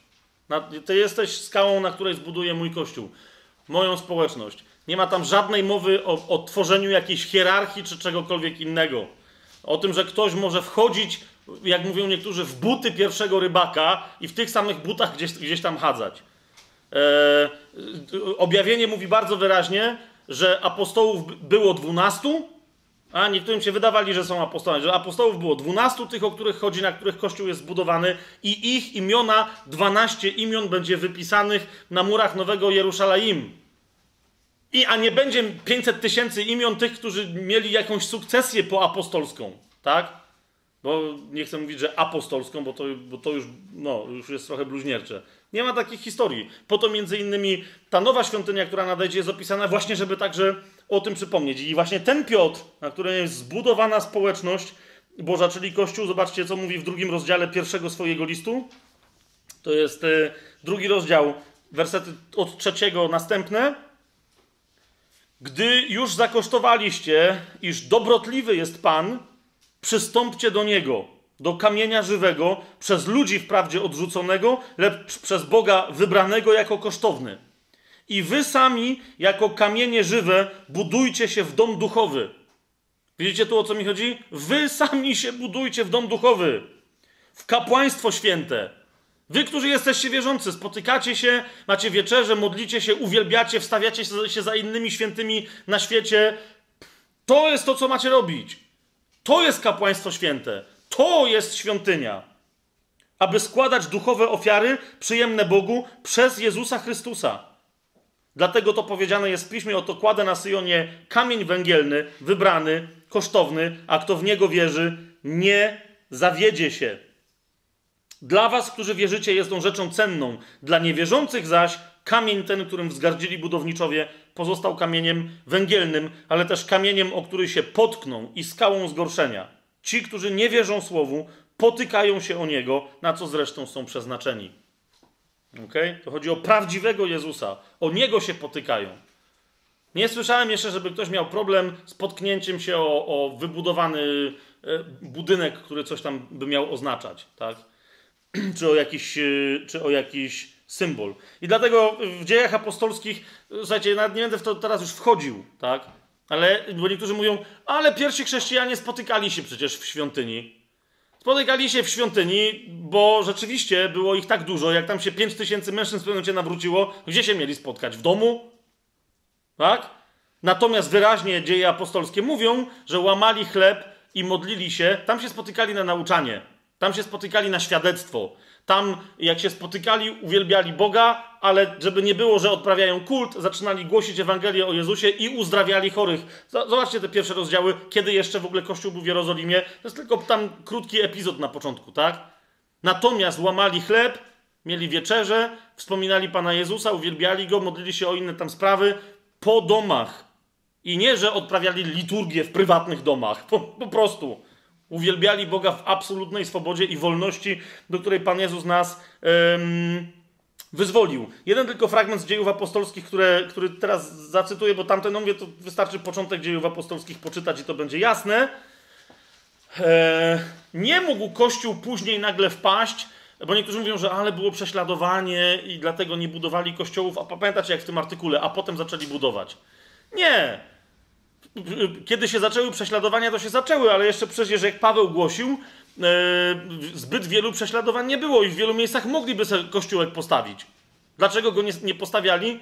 Ani Żydzi nigdy też nawet synagog swoich nie rozumieli jako świątyni, dlatego że doskonale wiedzieli, że świątynia, to jak już sobie to wyraźnie powiedzieliśmy, nie o tym mówiła i nie tego była znakiem na początku. I dlatego Zobaczcie, Paweł w 17 rozdziale, 24 werset mm, i 25 dziejów apostolskich. Dlatego mówi coś, to już jest Paweł. To nie jest, to nie jest Jerozolima. To są Ateny w Grecji. To jest Paweł. To nie jest jeden z tych pierwszych apostołów, to jest apostoł Pogan. Ale co mówi? Bóg, który stworzył świat i wszystko, co jest na nim, ten, będąc Panem nieba i ziemi, nie mieszka w świątyniach ręką zbudowanych to jest nowoczesne głoszenie Ewangelii. Nie mieszka w świątyniach ręką zbudowanych, ani też nie służy mu się rękami ludzkimi, jak gdyby czegoś potrzebował, bo to on sam daje wszystkim życie i tchnienie i wszystko. Jasne? Ktokolwiek gdziekolwiek mówi, że Pan Jezus se nie może sam czegoś zrobić i że On jest Jego ręką, nogą i czymś tam jeszcze i że, że te ręce to są ręce Chrystusa, bzdury to są. Tu jest wyraźnie powiedziane, że nie służy Mu się rękami ludzkimi i to mówi apostoł. To mówi, że okej, okay, to tu jest fajnie, w górach możesz się pomodlić do Boga, ale jak wejdziesz do tego konkretnego kościółka albo do tamtego, to tam Boża obecność jest lepsza, to jeszcze raz, on, będąc Panem nieba i ziemi, nie mieszka w świątyniach ręką zbudowanych w ogóle. W każdym razie, wiesz, nie bardziej niż w górach, tak? Nie bardziej niż w dolinach. On najbardziej mieszka w tych, którzy w Niego wierzą i którzy Go miłują. Czy mamy w tej kwestii jasność? Nic się nie zmieniło w Biblii na temat świątyń od początku do końca. Świątynia objawiona. Teraz niektórzy mówią, okay, ale zwróćmy uwagę na to, że tam dalej się rozwijały. Oczywiście, to jest to, o czym mówiliśmy kiedyś. Świątynia Dawidowo-Salomonowa nie była jedyną świątynią, która się pojawiła i nie, i, i, i nie była jedyną świątynią z tych, które jeszcze mają się pojawić. Ale jeszcze raz, każda z nich ma swoją określoną funkcję. Przy następnych prorokach powiemy sobie, bo po, y, świątynia Salomonowa została zburzona. Yy, zgodnie z tym, co Bóg powiedział, jakie warunki, jak będą spełnione, to ona zostanie zburzona, a Izrael wyrzucony ze swojej ziemi, została zburzona przez Babilończyków, tak? którzy e, północ została wzięta e, sto parędziesiąt lat wcześniej do niewoli asyryjskiej, to już o tym mówiliśmy, e, a południe, to było chyba 130 lat po, po tamtych, zostało, zostało wzięte do niewoli babilońskiej i Babilończycy znieśli z powierzchni ziemi świątynię Salomonową. Ale później historie na przykład Ezdrasza i Nehemiasza i jeszcze parę innych, wystąpienie proroków y, takich jak Aggeusz na przykład, e, one wszystkie to, to, są, to, są, to są wystąpienia ludzi bożych związanych z budową nowej świątyni przed Panem Jezusem. To była tak zwana świątynia Zorobabela, e, druga świątynia. I widzicie, niektórzy mówią, że potem jeszcze była trzecia świątynia, czyli świątynia Herodowa. Otóż dla pełnej jasności, nikt nigdy wtedy z Żydów nie rozumiał, że to jest jakaś trzecia świątynia.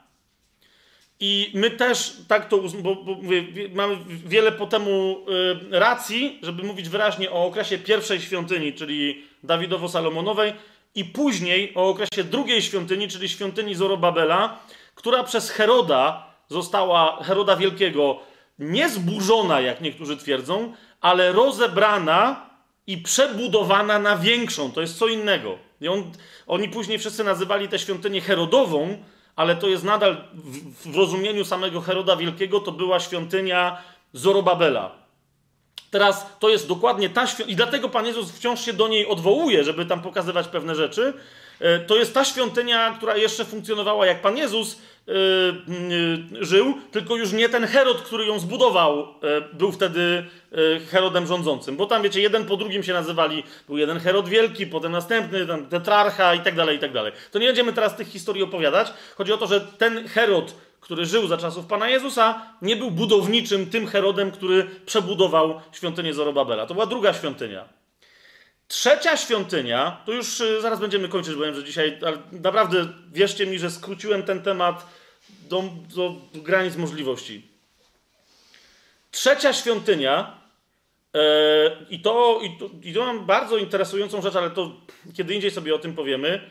E, niektórzy powiadają, że jest opisana w księdze Ezechiela. Nie. I mówię to stanowczo. Dlaczego nie, to mówię, potem sobie wyjaśnimy. Ma nadejść, mają nadejść w moim rozumieniu jeszcze dwie świątynie. Może jakieś tam jeszcze, ale te, które Biblia zapowiada jako istotne dla historii dziejów. Jeszcze dwie świątynie.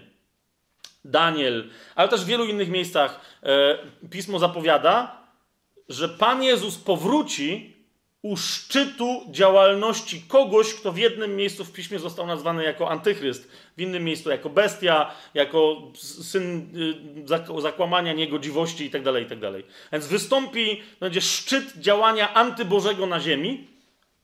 I teraz w ramach tego szczytu ten, którego mówię, nazwijmy sobie roboczo antychrystem, chociaż to nie, ale okej, okay, nazwijmy go sobie w ten sposób, jest powiedziane, że przerwie składanie ofiary Bogu w świątyni w Jerozolimie.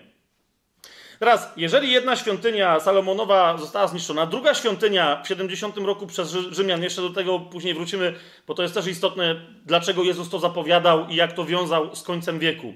Ona już nie istnieje, to znaczy, że żeby mógł antychryst wypełnić to proroctwo o, o, o, sobie, że przerwie składanie ofiary, stąd, ale nie tylko stąd, rozumiemy, że musi być odbudowana świątynia w Jerozolimie, muszą być odnowione, musi być odnowione składanie ofiar w Jerozolimie, e, żeby antychryst mógł to przerwać. Tak?